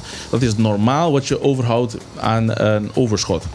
Wij hebben dat ook ehm vorige jaar, had, vorige ehm, van jaarrekening 2021, hadden we een overschot van 2 procent. Dus dan zitten we net, eh, zoals andere gemeenten, in een de normaal, normale trend. Dus dat verwacht ik ook, dat we aan het eind van het jaar ook in die trend zullen zitten, dus rond 1 tot 3 procent eh, overschot. Gewoon nieuwsgierigheid. Ehm, hoe komt het dat je geld overhoudt? Dus het is, om het heel simpel uit te leggen, als je bijvoorbeeld, je hebt 10.000 op een begrotingspost. Toch? Je hebt eh, als, als een van de eh, ambtenaren, je hebt 10.000, je gaat, je wilt altijd proberen om binnen budget te blijven. Mhm. Dus je kan geen factuur eh, binnenkrijgen van 10.000 en 10 dollar. Dat, dat mag niet. Dus Mhm. dat wordt meteen door, door financiën afgekeurd. Dus je, je moet altijd binnen die, die 10.000 blijven. Dus dat betekent dat je normaal altijd toch een bedrag overhoudt. Ik weet niet of je me begrijpt. En dat, 10% marge bijvoorbeeld, zodat je Dus een beetje je- speling hebt Ja, voor maar- extra uitgaven. maar het is omdat je, je, je, gaat, je gaat bijvoorbeeld, eh, je hebt 10.000, dus je gaat naar een project of je moet iets doen, dan zorg je dat je altijd binnen die, die, die bedrag blijft. Dus je hebt geen, geen mogelijkheid om, om naar beneden nul te gaan. Dus dat, dat, daardoor heb je altijd dat je op verschillende posten eh, een bepaald bedrag overhoudt. En als je dat allemaal bij elkaar telt, dan komt het toch tot een flink bedrag. begrijp ik hieruit van dat je normaal gesproken eh, ietsjes hoger begroot om te zorgen dat je in ieder geval die overschrijding niet krijgt. Dat het dan meestal iets meer meevalt. Is, is dat wat je bedoelt? Nee, het is ook. eh, kijk, het is, ehm, dat is meer. Ik heb het heel financieel eh, uitgelegd. En als je ook be- bijvoorbeeld het ehm, uitvoeringskant eh, bekijkt. ehm, het is ook altijd zo dat je bijvoorbeeld. je denkt dat je een project. zelf dat dat hier ook in de bouw overal gebeurt. Je denkt dat je je huis binnen zes maanden klaar hebt. Maar het, uiteindelijk duurt het een jaar. Dat, dat gebeurt met, met heel veel projecten ook. Dus het is ook zo soms dat je denkt: oh, het is vanaf dit jaar al klaar. Nee, het wordt pas 2023 opgeleverd. Dus het geld wordt dan niet meteen vanda- eh, dit jaar dan eh, betaald, maar het wordt pas 2023 dan betaald. Dus je, en wij kunnen geen facturen betalen voor dingen die bijvoorbeeld in 2023 pas opgeleverd worden. Dus bijvoorbeeld de, laatste fase dan. Ja. Ja, En Bonaire Ja. mag daarin dus niet rood staan. nee. Dus Nee. Onder geen bedwing mogen we rood staan. En dat Nee. maakt dus dat je altijd een overschot houdt. Ja. Want je weet maar nooit. Ja. Helder, denk ik. Dus dat is wel technisch, denk ik. Ja, het, is, het, Ja. is, het is lastig. Ja, het is lastig. Het is een hele lastige thema. En daardoor, daardoor vind ik het ook lastig dat, dat dit soort berichten naar buiten komt. Het helpt niet. Ik vind dat mensen het moeten begrijpen op een gegeven moment. Maar als ik hier zeg, ehm, nee, we hebben geen echte ook grote overschotten. En dan komt er een ander bericht van wel. Dan brengt de- dat de mensen meer in de war dan dat het helpt. Nou ja, goed, je krijgt Ja. nu de gelegenheid om het uit te leggen. Ja, precies. Ja. Even een heel ander bericht. Gewoon Ja. even tussendoor, want dit was zwaar. Eh, morgen wordt eh, de twaalfde keer de, de Duo Extreme Mountainbike Race gehouden. Ja, gek zijn die gasten. Echt, echt helemaal idioot. Ik heb dat, eh, ehm, ik heb dat jarenlang heb ik dat, nou ja, gepresenteerd, aan elkaar gepraat. In het, ik, heb ze, ik heb ze in het begin weggestuurd. Dan moet je heel vroeg opstaan, want ze gaan natuurlijk voor dag en dauw. Dan is het nog maar net licht. Ehm, en, en die gasten die rijden gewoon echt de, de, in. Ja, en, en door de modder, nu- echt met alle regen die er geweest is. nu Door de, wordt door, het door de- echt een, een. Dat wordt, dat wordt echt afzien heel voor die zwaar. En ik, ik, ik, ik, waarom zou je dat willen doen? Heb- Dat heb ik als ik daarnaar sta te kijken. Maar dit zijn, dit zijn mensen die, die vinden het echt heel erg fijn om zichzelf helemaal af te beulen. echt pijn te doen. En, eh, en dat doen ze ook. En die komen echt, echt onder de modder, onder het bloed. eh, met de tranen in hun ogen komen ze terug. Die, eh, eh, die, die rijden over die streep en die, die vallen van hun fiets. Ja. Eh, het, is, het is unbelievable. Het, het is, het is een hele aparte en hele eh, interessante opzet. Want eh, de, de korte ri- rijdrit is eh, 55 kilometer. De lange rit is 73 kilometer. Wow. Dus dat Ja. is echt, echt gewoon een end. Ik, zou, ik zou vijf kilometer al te, al te heftig vinden. Ja, ja. Het is echt niet te geloven. Op die mountainbikes, eh, ik heb er heel veel respect voor. Maar ik, ik heb ook zoiets van, nou groot is de man die eh, Duo Extreme wint. Maar nog groter is de man die weet dat hij sneller is en niet hoeft te fietsen. En, En- dat ben ik dan. Het, het bijzondere is, is van dat het inderdaad duo extreem is. Het zijn nou duo's. Ja, Je moet met z'n tweeën Ze dus. moeten met z'n tweeën. En de tweede die over de streep komt, bepaalt je tijd. Ja. Dus je kan dus niet zeggen van, hé, hey, ik ben veel sneller dan jij, dus ik ga lekker vooruit en dan eh, hebben we een snelle tijd. Nee, als jij als eh, de eerste van het duo als eerste over de streep komt en de, laatste, en, en de tweede het laatste, dan ben je als duo als laatste geëindigd. ja, zo werkt het in het leven Dus, ook? dus je wordt gedwongen. Het is een team eh, activity. Het is een ja. team activity, Ja. dus om elkaar te helpen. Dus als Ja. eentje er een beetje door zit, dat de andere kun je gaat motiveren van kom op, kom op, Ja. gaan we. Ja. Eh, Ik, ik heb, mee, ik, ik heb eh, meegemaakt, tenminste ik heb gezien, eh, dat een duo, ehm, eh, de ene die had geen één lekker band en de ander had in die, in die 73 kilometer er zes. Ja. Wil je elkaar helpen? Ja, het is, een- het, het, is, het, is, het is gruwelijk. Maar nogmaals, heel erg mooi om te zien. Eh, alleen ja, eh, ik, eh, ik zag natuurlijk altijd alleen maar het begin en, en het eind. In het begin zijn het allemaal hele leuke, mooie, frisse mensen die er Ja. wel zin in hebben. En als ze terugkomen, Komt er geen woord meer helemaal uit. afge, afgebeuld. En echt waar, Ik heb gezien dat jij een keer presenteerde en dat jij, bloedmodder. ja, echt d- waar. dat jij dus iemand wilde interviewen die net over de streep was en er kwam gewoon geen woord meer Nee, uit. nee, nee. Dat, is, eh, en dat, nou ja, dat was het op een gegeven moment. Op een gegeven moment ook een beetje, maar een beetje, een, een beetje geintjes van gemaakt. Eh, eh, ik, ik vond het wel leuk om te doen, maar ik moest er altijd heel vroeg voor, eh, voor mijn bed uit. En ja, soms dan, eh, dan kon het gewoon niet. Dan, had- dan moest ik s'avonds laat eh, DJ'en en dan de volgende ochtend eh, moest ik om vijf uur weer paraat staan voor, eh, voor de Duo Extreme. Maar goed, het is, eh, het is morgen weer. eh, de hoeveelste is het ondertussen? De twaalfde volgens mij. De twaalfde. Eh, dus eh, dat is al heel stoer. Er komen mensen vanaf de andere eilanden ook om mee te fietsen. Uh, Er komen zelfs mensen uit Nederland. eh, uit Nederland komen zelfs mensen. ja, Ja? ja. Curaçaoenaars, Agobanen. eh, Eh, die winnen, vaak ook, of die, die eindigen vaak heel erg hoog. Dat zijn wel mensen die ook kunnen. Maar, eh, maar, maar ja, ik, we- ja, sowieso wielrennen. Waarom zou je dat willen doen? Ik snap het niet. Ik snap het echt niet. Zit er Nou, toch een motortje op? Dat, dat, dat, zit, dat zit niet in mijn hoofd, dat radertje. Dat is, eh, dat is heel bizar. Ik ga weer eens een plaatje draaien. Ehm, eh, Blijven rijden, toevallig heet het. Eh, dat is ook wel toepasselijk. Het is een nieuwe single van Mo. En het is een, eh, een hit momenteel in de Nederlandse top 40.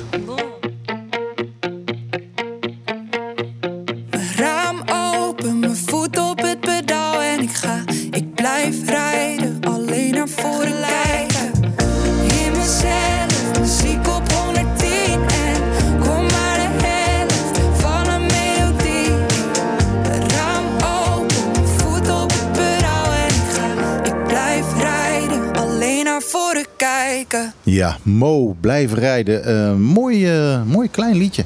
Eh, uit de Nederlandse eh, top 40. Een van de drie binnenkomers die we hebben. En als je dit dan ver, eh, we- te- zet tegenover de andere twee binnenkomers. Dat eh, is eh, alleen maar eh herkauwen van andere muziek. Ze heeft een mooie stem. Ze heeft een zeker mooie stem. Eh, ze is wel een beetje geautotuned. Eh, maar eh, ja, het is, het is gewoon een, een, een mooi stuk. En de andere twee platen die we hebben, Chris Cross Amsterdam en eh, een plaatje van eh, Nicki Minaj.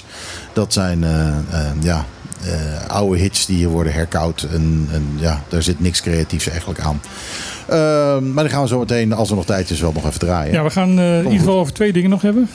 Vertel. En dat is eh, jouw eh, favoriete uh, onderwerp, eh, Bachelor Beach. Mensen, ach, moet dat nou weer? eh, nou ja, kijk, ik heb uh, Hennis en Tilman aan de tafel. Dus eh, ik ben benieuwd. Er is natuurlijk ook een. eh, eh, we weten, eh, er is een. eh, ehm, eh, een petitie ingediend, ehm, eh, door, en- en ondertekend door meer dan duizend mensen, volgens mij eh, in de richting van de 1500. Mhm. Ehm, Daarabout van mensen die eh, eh, vragen of alsjeblieft Bachelor Beach niet kan worden ontwikkeld. Ehm, er is een WOP-verzoek in, eh, ingediend door Diana Gevers. En daar zijn de antwoorden op gekomen. En eh, dat is een enorm pakket. Eh, er wordt duidelijk nog steeds hard gewerkt. Maar er wordt nog steeds heel slecht gecommuniceerd. Want wij weten officieel, nou ja, we weten nu iets door dat WOP-verzoek. Maar eh, we hebben nu Hennis van Tielman aan de tafel. Eh, hoe staat het met het eh, plan? Wa- wat is het plan nu? En, eh, en, en ja, in wat voor status bevindt Ja, zich dat? De, de, de informatie die wij dus uit het WOP-verzoek hebben gekregen en, en gehaald hebben, is van dat er op dit moment een beetje een conflict is tussen de architect en het OLB over hoe de plan ingevuld moet gaan worden. Klopt dat? Het gaat om. In eerste instantie hebben we een plan gepresenteerd. Daarop is eh, onder andere door Michiel en maar een een groep eh, verschillende meningen en opmerkingen daar, daarop gegeven. Eh, over het parkeer, aantal parkeerplaatsen, maar hoe het plan eruit zag. Eh, mensen hadden het gevoel van het wordt te toeristisch eh, ingericht. Dus dat hebben we nu ook meegenomen. Dus dat is eh, we hebben nu eigenlijk in de huidige plannen de uitbreiding van het aantal parkeerplaatsen. We hebben ook gezegd we gaan het wat meer zeggen, kleiner, simpeler eh, ehm, opknappen. Zodat ehm, de, de trap, een één kiosk, eh, maar daar ehm, ook de toiletten hebben we wel gezegd dat willen we wel eh, daarbij doen. Nog een paar palapas eh, daar op het terrein. Eh, geen zand. Dus het plan is nu wat simpeler geworden. Ehm, om toch wel, ik begrijp van, van sommige mensen zeggen van doe niks. Sommigen zeggen doe alles. En wij proberen de balans te vinden in wat we doen. Eh, en om beide of alle partijen op, ja, toch een beetje tevreden te houden.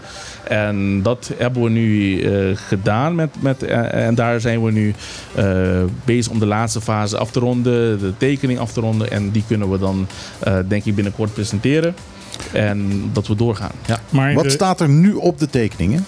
Dus er staan nu eh, meer parkeerplaatsen. Hoeveel? Eh, eh, uit mijn hoofd, laatst heb ik volgens mij 27, eh, 27 tot en met 30, zo'n 30 parkeerplaatsen. Ehm, daarnaast zijn er, is er nu één kiosk. eh, op het terrein. Er is nu één mogelijkheid voor de, ook een foodtruck. Er is al een foodtruck daar. Nou, die, die is er al. Maar komt er Ja. dan een tweede foodtruck bij? Of? Nee, nee, nee. Het is gewoon die ene plek voor eh, de King Kong Burger. Is dat Voor één eh foodtruck, ja. Eh, daarnaast hebben we nog ook toiletten op, het, ehm, op de tekening. We hebben ook nog, de, zoals ik zei, de palapas. Maar dus die, die, die nu drie betonnen plekken waar mensen kunnen zitten, die worden vervangen door, door een aantal palapas. Er komt geen zand meer. De trap wordt gerenoveerd. Er komt echt een trap daar. Dus dat eh, zijn de plannen nu. Ja, Ja. dat klinkt al eh, En ook een, stuk een beter. soort eh, muurtje voor, voor kinderen en mensen die heel dichtbij. eh de, want het is een klif daar. Nu staan er een paar stenen. Die stenen worden weggehaald. En er komt een soort eh, muurtje, een soort keermuurtje. eh, voor, voor safety van mensen. Ja, en al Ja. dat geruis wat eh, door de gezaghebber daar is gedumpt eh, ehm, eh, voor de politie, eh, gaat dat dan verwijderd worden? Ja, dat, moet- dat eh, moet allemaal bereid worden. Ja. Want dat, eh, Ja. eh, dat vond ik echt heel erg Ja, want erg zij leuk. hadden toen de tijd een bezwaar van ja, er is eh wordt veel s'nachts daar ehm, eh, feesten gehouden. de verkeersveiligheid is ingedrang. En met dit plan worden die problemen ook aangepakt? Het, het hangen van de jeugd? Wat ik Nee, dat gaat alleen maar erger worden.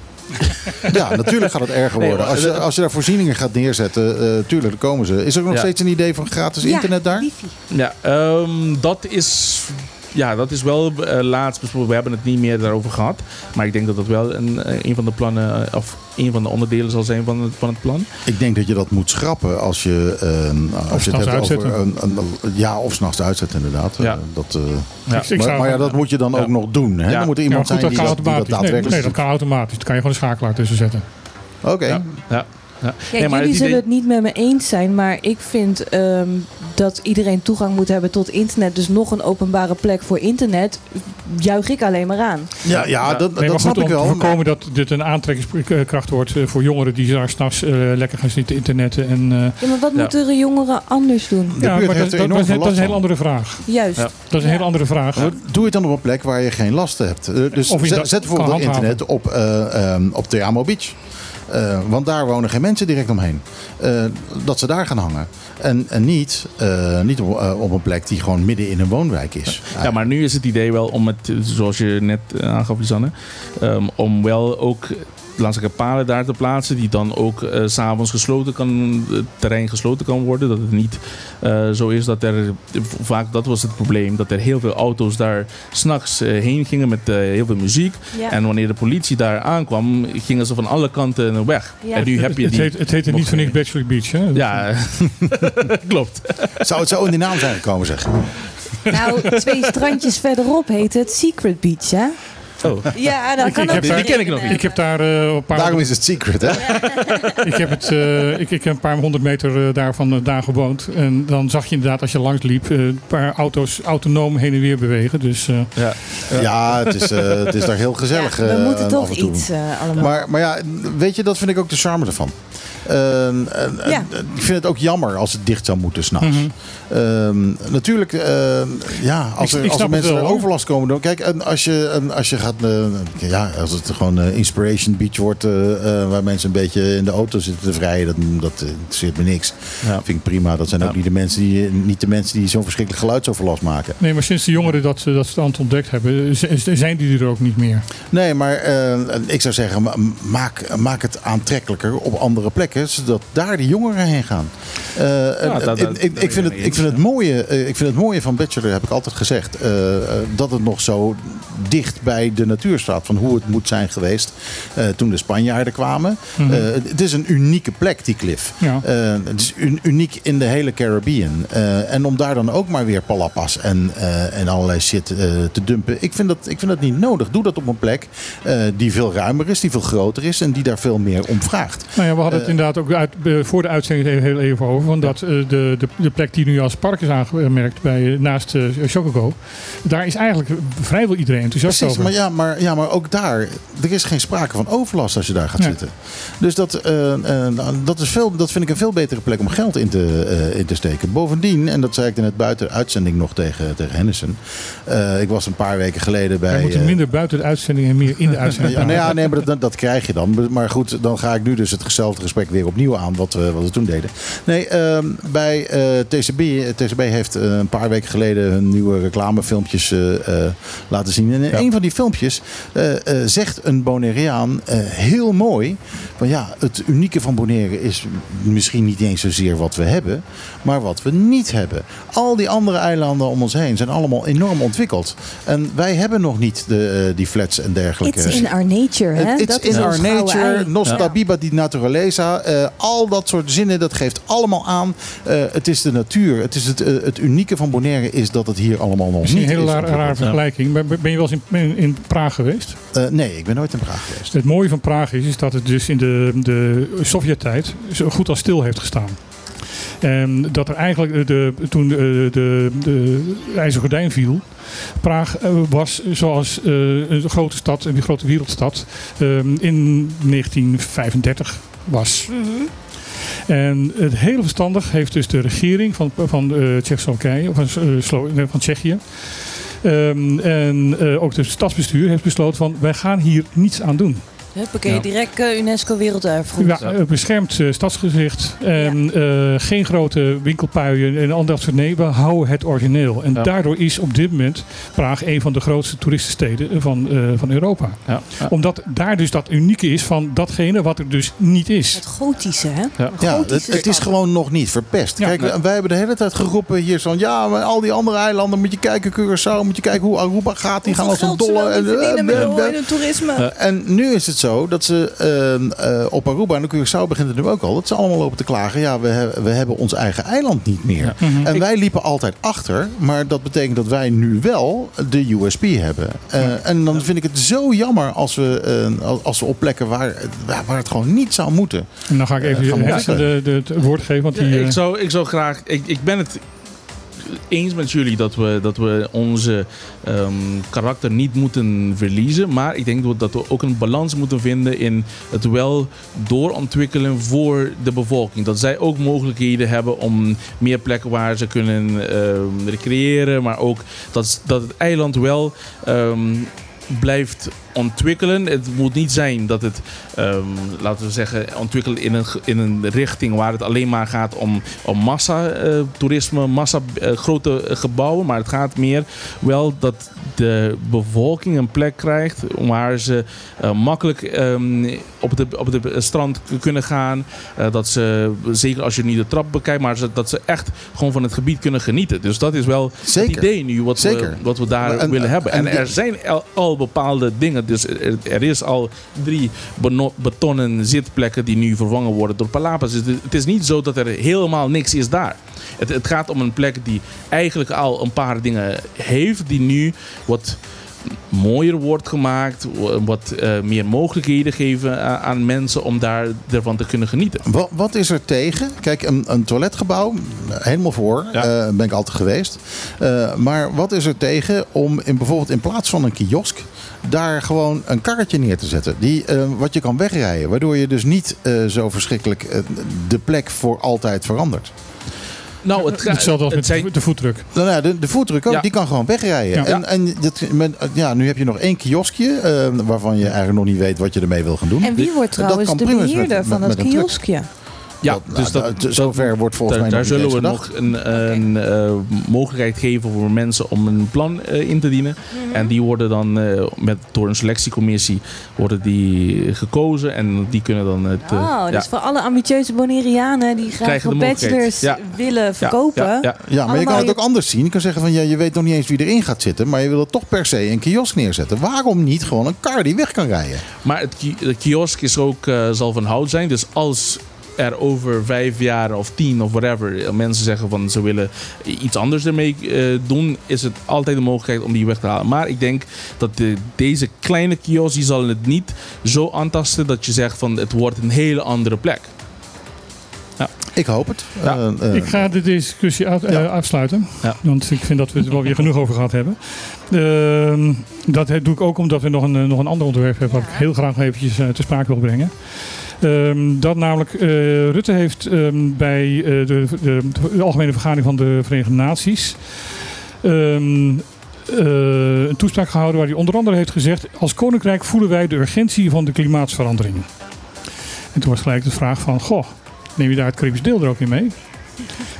En in het tweede artikel, wat in het Caribisch netwerk stond, staat van ja, strijd tegen de klimaatsverandering in Bonaire. Wij wachten nog steeds eh, op Den Haag op de toestemming om het te gaan doen. En dat is natuurlijk wel eh, vrij flagrant met elkaar in tegenspraak. Van dat Rutte zegt, ja nee, we gaan dat doen. En we voelen daar de noodzaak voor, ook in het hele Koninkrijk. Hele koninkrijk. En dat dus ehm, er een plan ligt om ehm, sterk de, de energievoorziening hier op het eiland eh, te verduurzamen. Ja. En dat ligt er al, geloof ik, hoe lang? Twee jaar? Twee jaar nu. Ja. En er Ja. is hier geen gezin die een eh, zonnepaneel kan betalen. Ja. Ja. Nou ja, en, en eh, kijk, het is heel mooi dat, dat de bedrijven zoals inderdaad eh, van de 200 nu daar ehm, 700 zonnepanelen op het, eh, op het dak hebben heeft gelegd. Waardoor ze dus het bizarre hoge getal van 284 kilowatt eh, kunnen, kunnen opwekken. Waardoor ze dus de hele supermarkt overdag eh, op zonne-energie kunnen laten draaien. Prachtig, geweldig. Maar je wilt natuurlijk eh, dat, dat het veel meer eh, en, en, en, en ja, de, de hele bevolking daar dus profijt van heeft. Want op het moment dat je dat, dat verduurzaamt, is ook de ver- de verwachting dat de kosten ervan omlaag kunnen. Ja, ja dat, is, dat is het eh, idee. En daar moet ik wel zeggen dat er door eh minister van EZK nu ook eh, toezegging is eh, gekomen dat ze 10 miljoen extra gaan zetten voor subsidie aan eh, zonnepanelen voor web of eh, aan verduurzaming. Eh, het is nog niet genoeg. We hebben nog eh, veel meer nodig. Dus we zullen nog bij bij hen blijven gaan totdat we meer krijgen voor het hele project. Maar dit is wel, nu hebben we eh 10, dui- 10 miljoen. Dat is via BBT dan gereserveerd als een soort ehm, kapitaalinjectie in, in, in BBT geweest. Die ze dan kunnen gebruiken om een lening te zoeken. En nu ook 10 miljoen, dat is toegezegd voor, als subsidie voor, voor web ook. Dus Heb jij enig idee wat BBT, eh, de, de Bonaire brandstofterminals, eh, aan het doen is? Want ze hebben even heel erg eh, lo- op, lo- lopen sputteren toen Nova een, een, een documentaire maakte over dat het allemaal hier niet, niet goed ging. Toen hebben ze daar opeens allemaal eh, ja, we gaan helemaal geen eh, hier neerzetten. Is helemaal niet nodig, want we zijn aan het verduurzamen. 180 graden gedraaid met wat ze daarvoor zeiden. En daarna hebben we dus helemaal niks van gehoord. Het enige wat wij op dit moment weten is dat zij een uitermate duur pand hebben aan de Lange Voorhout in Den Haag. En dat er een paar mensen eh, bijzonder hoog eh topsalaris daar verdienen. En dat er voor de rest totale stilte is. Eerlijk gezegd heb ik ook eh, in de laatste paar maanden ook geen contact gehad met hun. Maar het kan wel kunnen zijn dat ze contact hebben gehad met de gezaghebber hierover. Maar ik heb de laatste paar maanden ook eh, niet veel van hun gehoord. En dat is heel leuk. Bonaire brandstofterminal Ja. zit in Den Haag in een pand en wij horen daar heel lang niks van. De, de Bonaire Brandstofterminals is een eh, bedrijf, een BV, die door de Nederlandse regering is opgezet om te zorgen dat wij hier ehm, voldoende brandstof kunnen blijven krijgen. Nou, we hebben nog wel eens een blackout.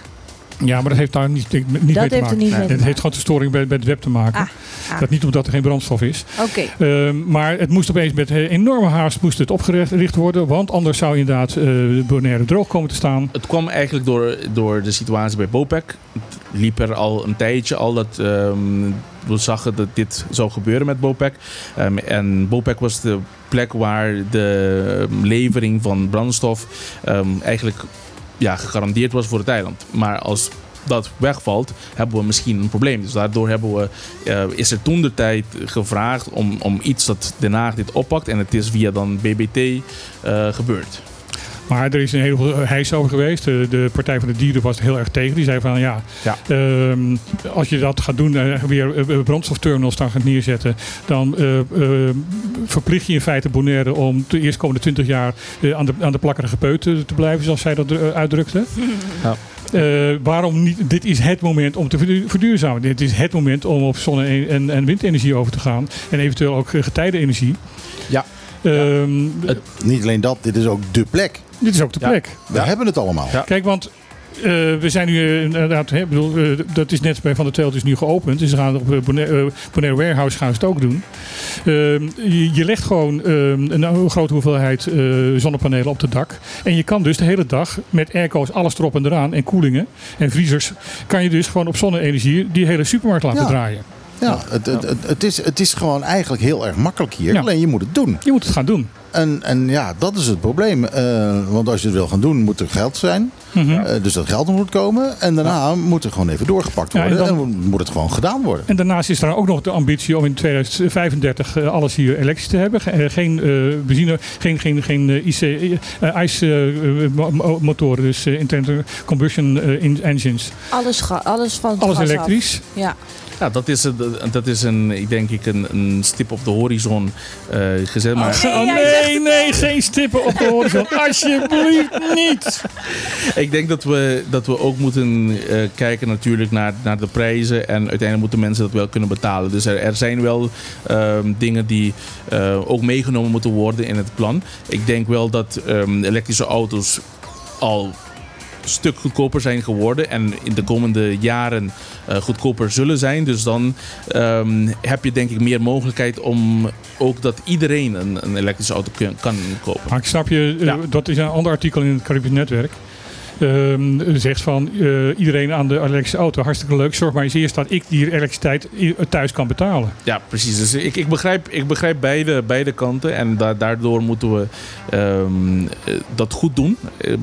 Eh, ik denk eerst eh, goed doordacht. ehm, kijken hoe we, en het is natuurlijk, het, we praten dan over 13 jaren. Dus heel veel dingen kunnen veranderen. En ik denk zeker dat de prijzen ook eh, goedkoper zullen worden. Dus dan is er meer mogelijkheid voor, voor, voor Oh, men we om. hadden een tijdje geleden Clark Abraham aan de, aan de tafel. En die Ja. zei van ja, de auto's gaan steeds meer ook eh, energie kunnen leveren. Dus niet alleen dat je de energie in moet stoppen, maar dat als het nodig is, je ook de energie eruit kan halen. Ja. En dat is natuurlijk inderdaad eh, een hele mooie mogelijkheid voor mensen die, eh, die ook thuis daarmee zitten. Je, je rijdt met je auto, je, je laat het overdag op. En je kan s'avonds je huis weer laten, eh, ja, laten ver- eh, verlichten en, en, en, je koelkast laten draaien. Door het gewoon aan te sluiten op je auto. Ja, ja, dat is de mogelijkheden die er in de komende jaren aankomen. Het ligt eraan of, de, of we zo snel de, de, de kosten daarvan kunnen verlagen. Dus eh, die, die auto's zijn nog steeds heel duur. Maar ik denk in de komende jaren zal, die, zal dat ook eh, goedkoper worden. Nu als eh, bestuurscollege al inzetten op subsidies eh, om mensen die dat niet kunnen betalen te helpen. Ja, dan, daar Om hebben we geld te reserveren. Ja, nu al Ja, daar daar. hebben we heel veel geld voor nodig. Dat, dat is, dat is, ehm, ik denk dat er een paar basale dingen die eerst moeten gebeuren. Dat de mensen die, die gewoon nu in de armoede leven, die, die moeten we eerst ehm, zien te helpen. Dus daardoor hebben we nu bijvoorbeeld een, een subsidie voor alle ehm, de vaste tarief eh, van web. Om die te, te verlagen. Dus daarmee zijn we bezig. Dus dat zijn de basale dingen. En daarna kunnen we blijven eh, kijken als we meer geld overhouden. Kunnen we zeggen dat we hierin eh kunnen investeren. Want die 10 miljoen die de overheid aan het web heeft gegeven, is daar dus niet voor bedoeld. Nee, dat is niet aan het web gegeven, aan, dat is aan eh, eh, eh, BPT gegeven. Oh, Het, is- het zijn twee. Er, zijn, er is een 10 miljoen aan BBT en 10 miljoen die aan subsidie. Het ligt eraan, we, zijn nog niet, eh, we weten nog niet of het aan BBT wordt gegeven of aan, eh, aan Web Direct. Mhm. Daarmee, daar zijn we nog in gesprek over. Maar dus het is 20 miljoen die dan ingezet moeten worden voor eh, zonnepark en ook windmolenpark eh, Ja. uitbreiding. Maar is het, onze- is het geen no-brainer? Als je het hebt over een zonnepark of een windmolenpark. Als je dat eenmaal neerzet, wordt de energie natuurlijk ook een stuk goedkoper voor de bevolking. Dat is wat Het is we, natuurlijk ja, een perfecte manier Precies. om de armoede te bestrijden. Precies, dat, dat proberen we ook eh, aan te geven. Dus eh, het, ze begrijpen het, maar niet volledig. Dus we moeten blijven, blijven hameren daarop. Nou, nou, wat dat betreft is het goed dat ze het nu in Nederland ook wat moeilijker hebben. Want Ja. wij hebben het al Ja. veel langer, veel moeilijker dan dat zij het hebben. Dat ze misschien eindelijk eens een keer een beetje begrip krijgen in wat voor situatie. Dus wat de, de Haag doet is een eh, beetje wat, eh, wat ze eh, eh, de clown Basje altijd zei. Ja, ik begrijp het, maar ik snap het niet. Nou, laten we hopen dat van die 20 miljoen ook niet te veel in de strijkstok blijft plakken. En dat het ook echt allemaal op de Bonaireaanse velden belandt. In de vorm van een mooi precies. zonnepaneeltje. Ja. Precies. En Ondertussen is de eindtune eh, gestart. Ja, daarom. Ja. Laatste, laatste loodjes, minuutjes. En die zon. Wat vond je ervan? Ja, ik vond het eh, gezellig om hier aan tafel met jullie te zitten. Ze Dat vinden het allemaal Had je niet verwacht, hè? Ja. Ze vinden het allemaal gezellig. We hebben het over één ding niet gehad. Dat is Ja? ehm, dat Stinapa het OLB in gebrek heeft gesteld over eh, de handhaving rondom Chocobo Beach. Ehm, het is een, het is een eh, lastige verhaal. Ik denk dat er bepaalde dingen ehm, niet volledig eh, kloppen wat er in het verhaal staat. Want de discussie ging niet over het zand. En zo wordt het wel naar voren gebracht. het gaat over de keermuur. Het gaat om de keermuur, precies. Ehm, de keermuur moet hoger zijn wordt, wordt aangegeven. Daar is er heel veel discussie over of dat wel zo is of niet. Eh, daar is, ehm, is er vanuit het OLB, vanuit toezicht en handhaving nog, ehm, zijn ze nog bezig daarover om eh, dat te bepalen of dat inderdaad zo is of niet. En de, de, eh, hoe heet het? De, de dwangsom is niet, niet geïnd. Nee, dat, dat speelt nog. Dat, dat is er wel Het is wel de bedoeling Ja. dat het geïnd wordt. Dat, is, ja, dat hebben we ook aangegeven. Ze, hebben nu, ze zijn ehm, in beroep gegaan ehm, daartegen. Dus dat, dat is nog bij de rechter. Oké. Ja. Lopende zaken. Ja. Goed, dit was Op de Klippen. Eh, hartstikke bedankt dat je geluisterd hebt. En eh, vooral ook dank natuurlijk aan onze, onze gastpresentator Hennis van Tielman. Eh dankjewel dat je er was. Ook wij vonden het erg gezellig. En eh, Ja. eh, ja, Wat een lekkere koffie hebben wij. Ja, hè? goeie koffie. Ja, de koffie van ons is fantastisch. Ja. Ehm, wij zijn er natuurlijk volgende week weer tussen 12 en 2. Ehm, hopelijk heb ik dan wat minder afstand van mijn eh, medepresentatoren. eh, en is het Wij gezellig een afstand met jou. Ja, ja dat, eh, dat, maar goed, dat heb ik eigenlijk eh, altijd al. Ehm, dus volgende week zijn we er weer. Zometeen na het nieuws van twee uur hoor je Ron Gijzen met de Klaat op 20. Eh, en voor de rest eh, hoop ik dat je eh, een heel fijn weekend hebt. Wij met z'n allen wensen je in ieder geval een bijzonder fijn weekend toe. En wij zeggen dat, wij zeggen dan altijd heel welgemeend ook. Ajootje, cadeautje.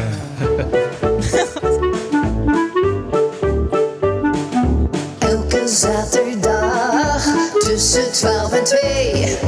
Michiel, Martijn, Lisan. Wat een feest! Dit is op de Ja, we gaan er even uit met, eh, met een plaat. Moet ik even iets over zeggen.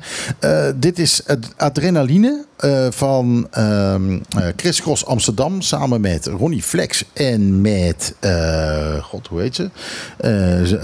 Zoe Tauran. En deze plaat, ik, ik moet nog even erbij zeggen. Dit is echt gewoon, dit is niet, dit is niet, dit is geen creativiteit. Dit is gewoon weer, weer rehashen. En dat doen die gasten Een, altijd. een vega-hit. Het is een ontzettend veeg. Had er doorheen moeten praten, maar heb ik nu niet gedaan. Maar luister hiernaar en eh, ik hoop dat je hetzelfde voelt als ik.